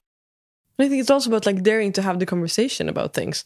Yeah. For example, now we're talking about masculinity. Like, if we can talk about it and yes. also talk about like the, the role that women play in that, like yes. we need to talk about it. Yes, and and also yeah yeah it's so important to to lift the conversation yeah and i think we see we see so many signs in society today mm. that we're waking up as a society yeah definitely me too movement yeah. was a wake up call mm. just look what that has happened with and created in the society. Black movement mm. um, yeah everything right now. But for me i also hope that is not should not just be based on violence and mm. and frustration. Instead of finding that that creative force within you from love and creativity and and that you want to create something new instead of just oh we should uh, yeah move in and, and rob this uh, liquor store or whatever i don't believe in that i believe in something else are we into the topic that you were thinking or are we just talking about other things i, I, I feel I, I, love this conversation mm. because mm. it, it, feels like I'm I'm not planning to say anything. It's more coming from what I actually mm. believe in mm. and what I think is necessary. Because once again, we need to wake up. We need to wake up. Yeah. Come on. I yeah. need to wake up even more and more and more and more in, in so many different ways and just be curious about what you can do to do that. Exactly. Yeah, but I mean, I mean the, the awakening, it's also dangerous to see the awakening as something that happens once and then it's done. Exactly. It's a con continuous like journey of learning and, and discovering new things. Yes. So I think that is interesting uh, awakening. I love that word, awakening. Yeah. I think that's beautiful. Yeah. It feels like an experience. Exactly. and yeah. I think some people get really scared when we talk about being awake. what does that mean? Mm. Uh, because that also probably anchors back to something that they have experienced regarding mm, it yeah. and some religious stuff or whatever. Mm. Um, but it doesn't have to be like that. Exactly. Yeah. And I think it's if we just started to notice stuff with our within ourselves. Mm we start with ourselves. And if you want to change something change yourself to see what happens. Mm, yeah, exactly. What happens? And I think a lot of people maybe might be scared of, of what happens as well. Yeah. And I think coming back to psychedelics, it's also like a, a, a fear of like what will come up, what will I have to change, what will I be aware of now? yeah. And and i think people are also stuck in i don't want to change. I'm, I'm satisfied with what i have. And of course a lot of things can really be put on in a, in a different direction um, and that can be scary. And and to be honest yes. And one thing that I work a lot with is is is the balance, and we talked in the communicology about the different ground balances. And one balance and ground balance is to think about history, current situation, meaning now, and future, and just to realize how much of my thinking or how much of my presence is based on being here and now how much of my feelings, emotions are connected to history frame or future. For instance, if you're if you have an anxiety or or you're worried, perhaps you're so much in the future because you're thinking of stuff that could happen. So what is the great mix there? The great mix is is the one that makes you healthy, meaning that you should have the three of them, but probably quite much here and now. I have been the sprinter running and having so much focus on the future that I have forgot to be here and now, to experience here now, to feel here and now. Or I've also been uh, sometimes back in the memory lane, meaning, oh, we had it so good there. We had it, oh my God, why did I do that? So shame and guilt and so on is based on history. And you could stay in shame and, and guilt for your entire life and be stuck in history because you won't produce and project the future that you want. So um, I like the um, Joe Dispenza. Yes. Uh, and great. when he talks about, and I really love it because he's also quite connected to and, and talk a lot about intentions. But he also says that if you're if you're living your life like you have always been doing, you're probably quite much stuck in in your history. Like you're just repeating the same things. Uh, if you want to create your future, if you want to broadcast your future and create it, you have to be much more in your mind in the future, but not just in your mind thinking about the future. You need also to, and this I really believe in, you also have to create the feelings within you as it already have happened. Yes. So if I want something, if I want the perfect relationship, or if I want that perfect job or role or whatever, uh, if I want that, instead of just thinking that I want it, I should also project my own feelings. Ah, this is how it feels to be there. Because as he says, and I, I'm an example of that, I realized that when I sought, I've got a lot in my life that I really wanted uh, because I projected it and I was very clear. So I think if people were more clear of what they wanted, their intentions and their states, they would also produce and, and, and create their own future in another way. So just um, a tip for your listeners is to also find out your own your own balance. As you said, what is the perfect balance? It's it's depending on your intention. it's depending on what you want to create. But if you're stuck too much in the history, you could be in the memory lane and it, it- you could uh, you know you're sorry or you're sad because if you're sad you can't be sad if you're here and now Yeah. In that sense because then you're connecting it to feelings backwards. Exactly. or if you're if you're worried you're probably worried because you think something will happen but it hasn't happened. The trick there is if you're so worried and you think about it and you feel about it you probably also could create it. So once again you create your own future in that mm. sense. Yeah. And I think it, it is a tricky balance because Definitely. coming down also to the importance of like living in the now and like you mentioned like how uh, uh, like nature to just be in nature and experience nature can be like healing in a way. And that is beautiful to be in the present moment. But also because I found myself uh, uh, like recently I tuned in so much into the present moment. And that was beautiful. I needed that. But Yeah. then after a while it was like okay, now I feel like I'm kind of lost in this space because I needed something Yes. else to strive for. Yes. So I think it's um, it, yeah, um, it's just so important to find that balance. I think. Yes. Yes. How do you do to like create that balance in your life? For instance, since I said that one of my challenges has been not being here now enough, I meditate. Um, but also work with uh, clarifying what I want in the future. And mm. that's not the easiest thing all the time. Right now, I, I as I said, I've gone through a kind of a turbulent period, and for me now, it's more of I want to land and I want to be more here and now and mm. experience what I experience, and then I know what I want to create. Mm. So I. I have been rushing through my entire life. Now, this summer, I don't want to rush. I, I want to take it slow. Yeah. So for me, I want to have it more here and now. But just do stuff that that you that you want to do. It's like, okay, if I want to have more focus on future, and I realize that I, my balance is not as good, well, work with uh, goals. Work with uh, putting clear intentions for yourself. Uh, states. Write down your dreams because if you if you don't write them down, they stay with dreams. But as soon as you start to dream big and write it down, it become it becomes a plan. Uh, so make it more concrete for yourself. I think. Uh, so, and sometimes I want to be in the history. I want to go back and and experience memories, or I want to be sad, or or then I do that. So. I'm quite aware of moving myself through the different uh, three different frames. That is also beautiful too, like you said, to just be aware of the difference. Yeah. That now I'm in history and I'm I'm experiencing grief or sadness, or Yes. and that it's a conscious choice sometimes. Mm. That's And I like what what you said earlier, and I, I'm a bit curious of what your what you do to create the or to be in the future frame because I, I I see you as as a really inspiring person that also you're so curious that you invite people into your space and you want to learn and so on. So I'm a bit curious of how do you do to transform all those things to a to a future frame for mm. yourself?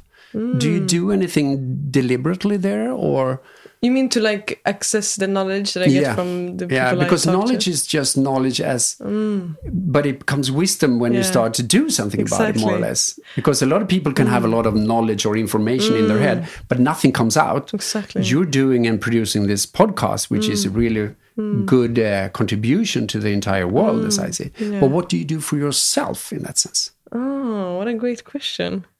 Maybe I have something to learn from this. um, so I, I I don't think that there is anything in particular that I do to like maintain the knowledge or like to to to like to get the wisdom out of it. I think Yeah. I, I I do I get triggered, like triggered in a positive way Yeah. by learning things. So I truly like listen to learn, Hmm. and I I feel like I take the nuggets from each person that I meet, and I carry that with me. But Ah, Yeah. I do think that a lot of things just like passes by in a way So- because I, I can't keep everything within Exactly. me. Yeah. Um, but also, I, I do think that what, what isn't visible is the fact that everything, all the wisdom that I acquire from talking to people, it it it touches my subconscious mind. exactly And I think that has been the transformation in my life. That Yeah. I have been talking to people every single day. People, not only people, but people who are living the life that I dream of living, and that shows my subconscious mind that it's possible. Yeah. So if I were would be talking to people who would be doing the people like stuff that I wouldn't dream of, Yeah. then that would give me another set of beliefs Yes. in my subconscious mind. So I think it's like this is just a whole huge process of like rewiring my subconscious mind Exactly. and reconditioning myself to, Yeah. to new thoughts and new beliefs. Yeah, I think that's a terrific answer because mm. once again, it's you're young mm, and you, you have some time on yourself to mm. and and just to take in mm. what other people and not just feeling like that I need to do something about it. It's more like let it be processed by your subconscious. Uh, I like it. Yeah, I, exactly. But, but but what I also feel is like I am learning to tune in more into the the like I don't know if I should call it faith or like trust or whatever. Yeah. like just surrendering to that everything will come to me and i feel like with all the wisdom that i get from the people that i talk to Yeah. it's like a lot of these things come to me when, for example when i meditate or when i'm in contact with my higher self then Yeah. these like nuggets come back to me like this is something like i might get an idea from our conversation for example okay so peter talked about intention and then i Yeah. you know i get like yeah these small keys I like it. Mm. Yeah.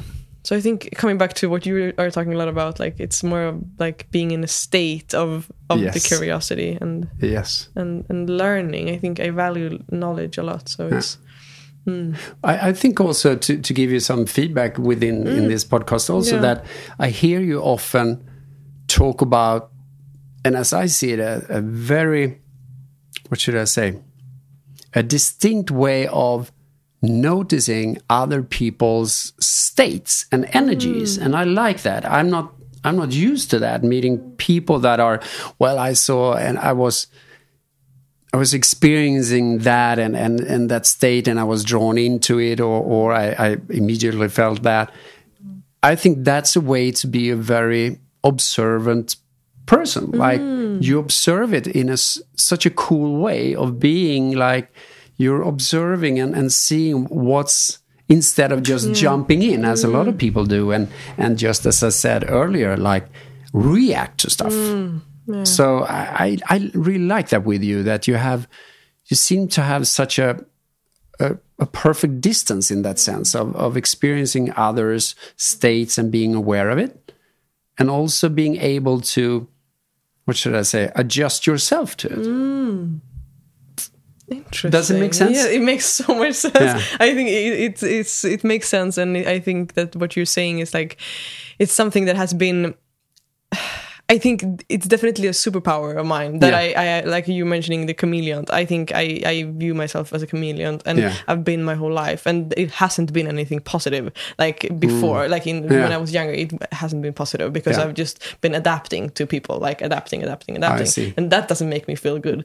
But in this sense, it's beautiful because I that's your I'm- superpower. exactly here it's a superpower because here I can like use that to tune in because I, I do feel like I I, I always it- that is intentional that I tune in with where the guests are Yeah. emotionally Yeah. um and also for example if I talk to someone who are because me I I feel my I feel I'm a spiritual person and Mm. for example I ask this question of like how is your heart sometimes I ask that question but then sometimes I have like and that's a kind of a woo woo question. But Mm. then sometimes I have a guest that is very like structure driven. It's like like results. Then it's Mm. Like maybe it's not the right time to ask that question because Exactly. it will like create a distance between us. Yeah. And and that is just like a, a, a brief example. Yeah. But I think it's it's important to tune in. Yeah, And it's also something that I use in my in my like daily life when I meet people. yeah, Um, but I think it can also be. I mean, it, it is a superpower, but the the other side of it of, Hmm. of it is that it's also it can be a challenge for me to stand in my own power w- when I enter. Yeah. energies. Yeah. For example, if I would meet you and you were in like a low state, it would it's kind of hard for me to stay in in my Yeah, yeah. good state because I want to meet you where you are. yeah. So it's not always good. Yeah, I like that. And and uh, we talk when we work with the communicology, we talk more about pacing and leading. And pace other people is like meet them where they are and lead them to. And leading part of pacing and leading is to take them where you want them. Is to pace other people, and that's what where I think you're really good at. Pace other people, meet them where they are, and and uh, lead them to where you want them. Then you have the leader uh, capacity, like pacing and leading. And I think what you said also is you should be aware of not being pacing and pleasing.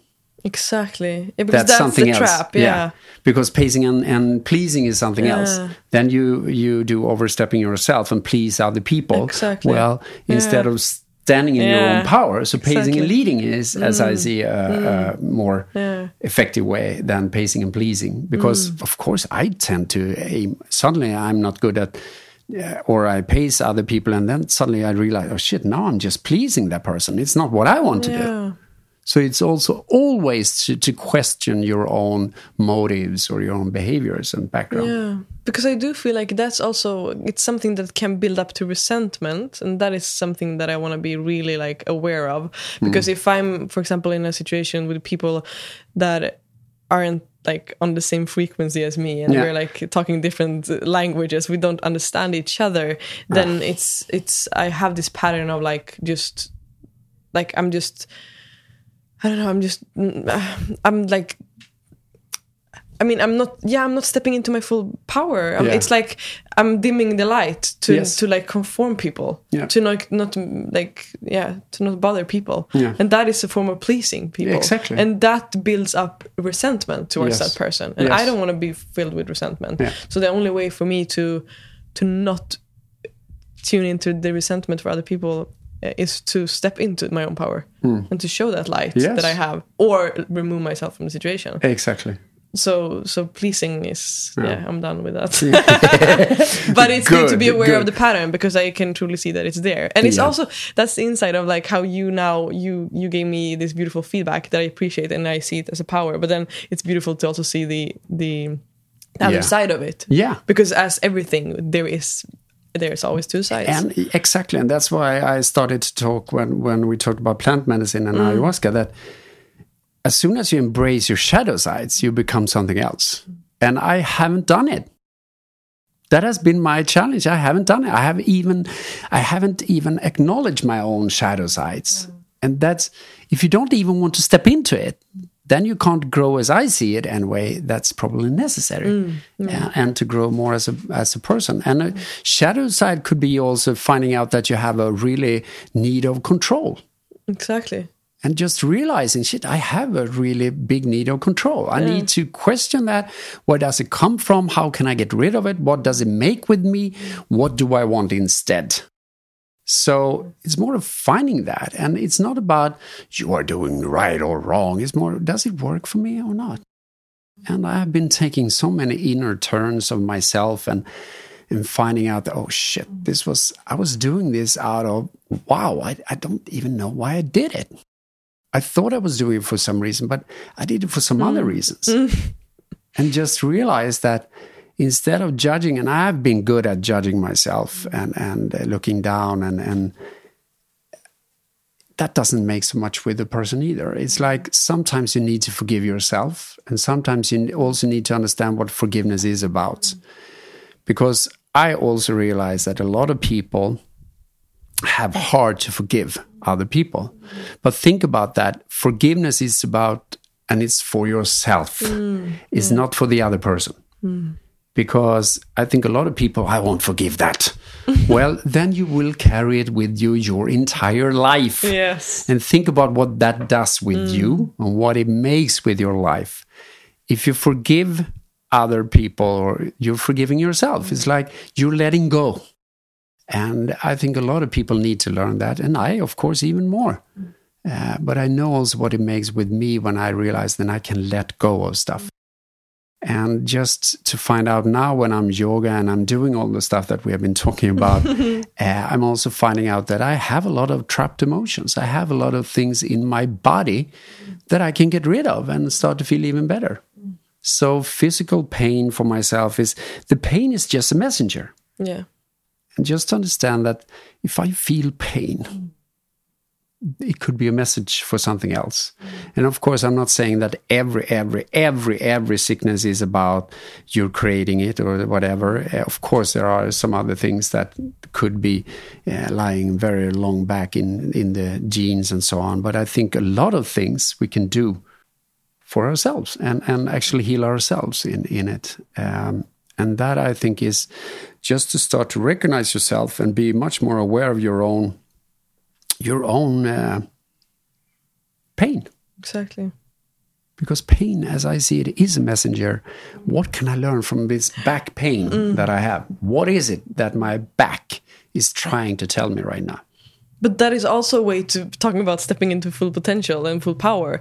That is also a way to step into the power that I am. I might be responsible for this pain. Yes. Like, is there? Could there be a sign? yes yes Yeah, and, I think that's also why it scares a lot of people because it's, it's so much easier to just lay to lean back on like healthcare or Yeah. medicines or whatever it could be. and you're totally right and that's why i work a lot with what i call this uh, in this material that one of the ground balances is also me and you sorting and me and you sorting or i and you or we and them it's about i am i you are you and there's a border between that and what often happens is that we overstep other people or ourselves by telling them what they want, what they need, Mm. what they feel. We know uh, everything all of a sudden. Exactly. Miofjard, you, you're you're so tired right now. So what you need is a pause that you can go out in, in our lake now and take a swim because you're too. I'm telling you what you are. I don't have a clue. I need to ask you if that's true. But what people often do is that they are stepping on other people, and you need to be aware of where is the borders. Like, wait a minute, I know my own feelings. You don't have to tell me what I feel. Mm. You tell you what you feel, and so on. And it's also about the balance when, when you meet other people. Do they have a big eye, meaning that they talk much by themselves and, and not listen, or what? So when I work with groups and people, uh, this me and you sorting can be very, very effective of just understanding groups. Who is the one uh, doing overstepping? Are they me and you sorted? Because if people are me and you sorted, there is probably really good states because they're also taking responsibility for stuff. Because if we put responsibility for our own health somewhere else, then I'm not me and you sorted.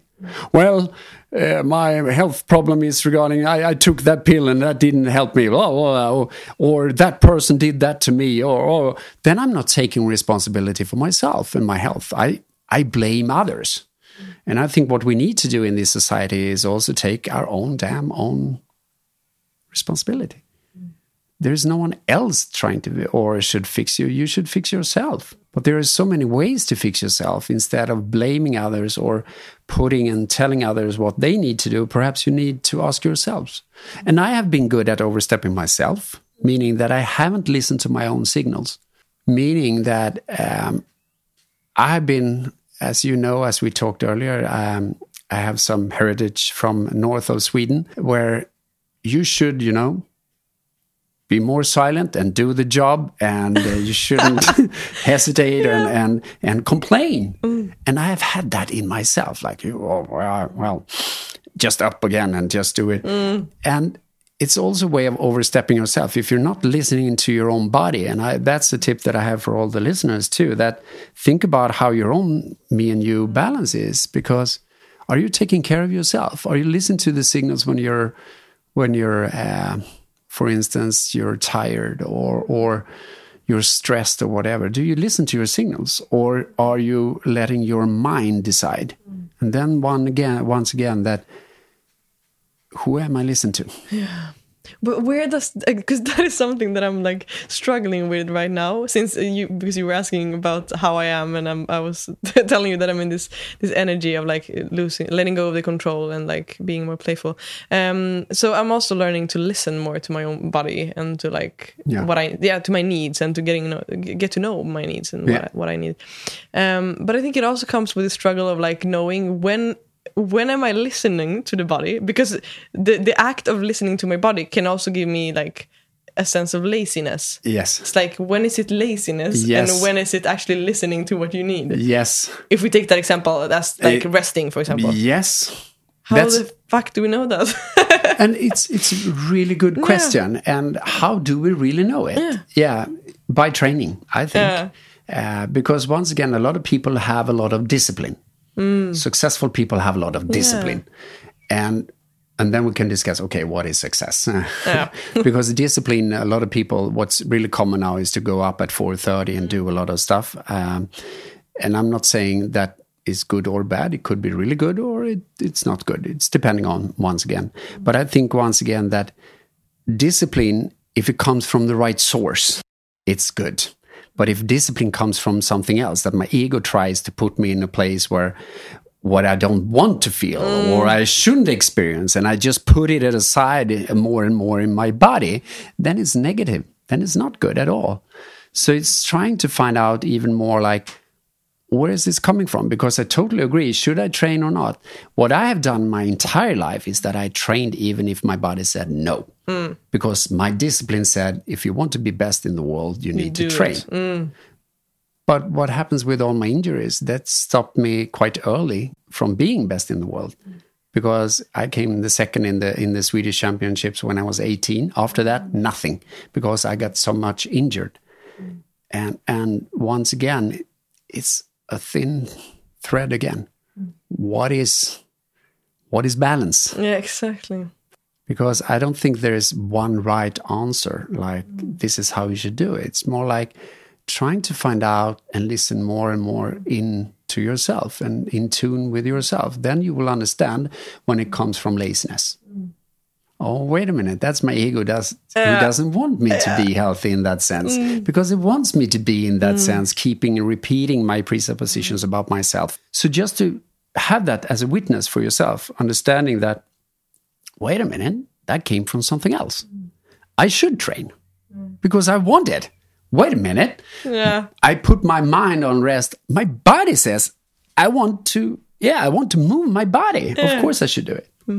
So I train and I train quite much, but sometimes my body says no.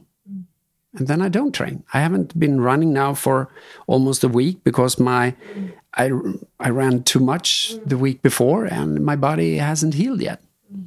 So then I, I swim and I, I do others, other things. But I think once again, you should take care of, of the body because our body is also a temple. Mm. And I think too many people are not especially kind to uh, ourselves and our bodies. Mm. We have so much presuppositions about how a perfect body should be, and mm. and social media doesn't help. Definitely doesn't help.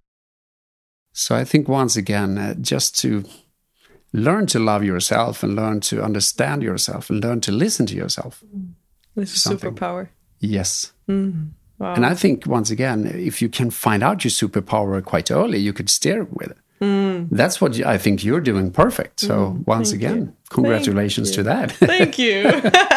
oh, I love this. And so I th- I think that this is a quite a, like good transition to start to wrap this conversation. up. yes, I don't. I Talking don't have a about you- clue. you I don't have a clue how my how. I don't what. I don't know what time it is. Oh, we're at two hours. Two hours. Yeah. Oh my. Ah, we did the, the Oh, do you know the I- Joe Rogan's podcast? Yes, we- of yeah, course. we did, so we did it the Joe Rogan style. yes. Yeah. Mm. I mean, so you gave me a compliment, you gave me feedback, and then I want to wrap it up. It's kind of like what, what I what do I want the listeners to remember from this conversation? me finding out my superpowers. Yes.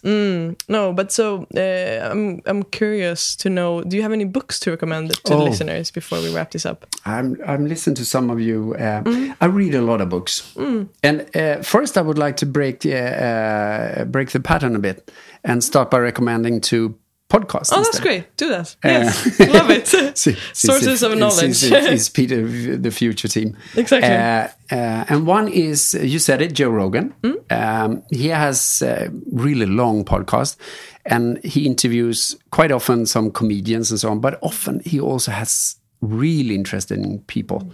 So uh, Joe Rogan Hmm. experiences uh, is really fun, and a specific when he talks to really fun people and, and interesting people, and they're really long. So, and another one, if you're interested in plant medicine, uh, I really recommend Aubrey Marcus, Aubrey Marcus podcast. And he often talks about plant medicines, and often his guests have some experience of it. And I recognize myself, my own experience, uh, as very similar. And if you, um, as a listener, are interested in this um, topic around uh, psychedelics and, and plant medicines, I really recommend that to listen to that. And when it comes to book, oh my God, um, Eckhart Tolle, A New World, of course, I love that one.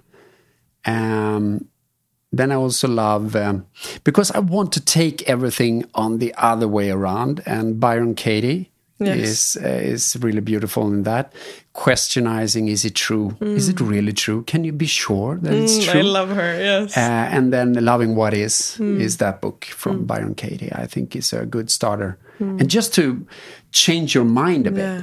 And as I think I've said a couple of times during the podcast, is to to do stuff you're not used to and, and take it the other way around to learn something.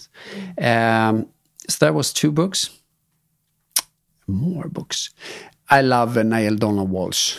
Conversations with God. It's not a religious like God. It's more like he's questioning. He's questioning God and start to write down answers uh, on his own questions, and he realizes it's himself who answers it. So I like the question when when he says, "I questionize if this is really God speaking or if it's me," and he says, or get the answer, "What's the difference?" So that's, finding so out beautiful, that yeah. Mm. I don't believe in religions in that way. I believe in the spirituality, and I believe that we all have God within us, and we just need to find it. Uh, so those, Mm. yeah. And Alberto Villoldo, if you want to learn more about uh, shamanic uh, work, he's a brilliant. I think he's born in Cuba, but he has been living with uh, shamans in the uh, Andes and the Amazon, and he, um, yeah, a lot Mm. so of does books. he have? Oh, he has different books. Mm. Yeah, a lot of books. All right. Thank Yes. you. that was yeah. Yes, that was that was great. Added add-on value. Three books Yeah. into a podcast. That's yeah, great. Mm. podcast. Oh, and of course this podcast. yeah, of course. Yeah, but, but they're talks. little listening. Yeah. So, so- we can't so force them we to listen anymore. Listen anymore. Exactly, they've Yeah. been listening for two Yeah. hours, so we're Yeah. happy. Um, all right, so if you were to reach the whole world for thirty seconds, if we're gonna like The whole this, world this, haven't- this it- two-hour But conversation. isn't this podcast reaching the entire world? Exactly. That's why. So, so, so, what would you like to tell them for thirty seconds? 30 seconds. I would like to, if I had 30 seconds to the world, I would like, I would tell people to be curious, stay curious, be of service. Mm. Actually, I like that. That creates much meaning for me. And questionize your own presuppositions and have fun with it, investigating and and create whatever you want to. And I think once again, uh, I know that you love uh, Tony Robbins and would like to have him here in the in the podcast. But it's like awaken the giant within. Yeah. It is, and, and that's what I have experienced, especially in in the Amazon. That we have such a power. Yeah. That's uh, That was the, drop, 42 drop, seconds. Drop the mic moment. All right. So thank you so much, Peter, for this two hours. Thank you. It's been so beautiful, and I truly appreciate you and everything that you are and everything that you do. The So same to you, Mm. clockwise. Thank you. Bye bye.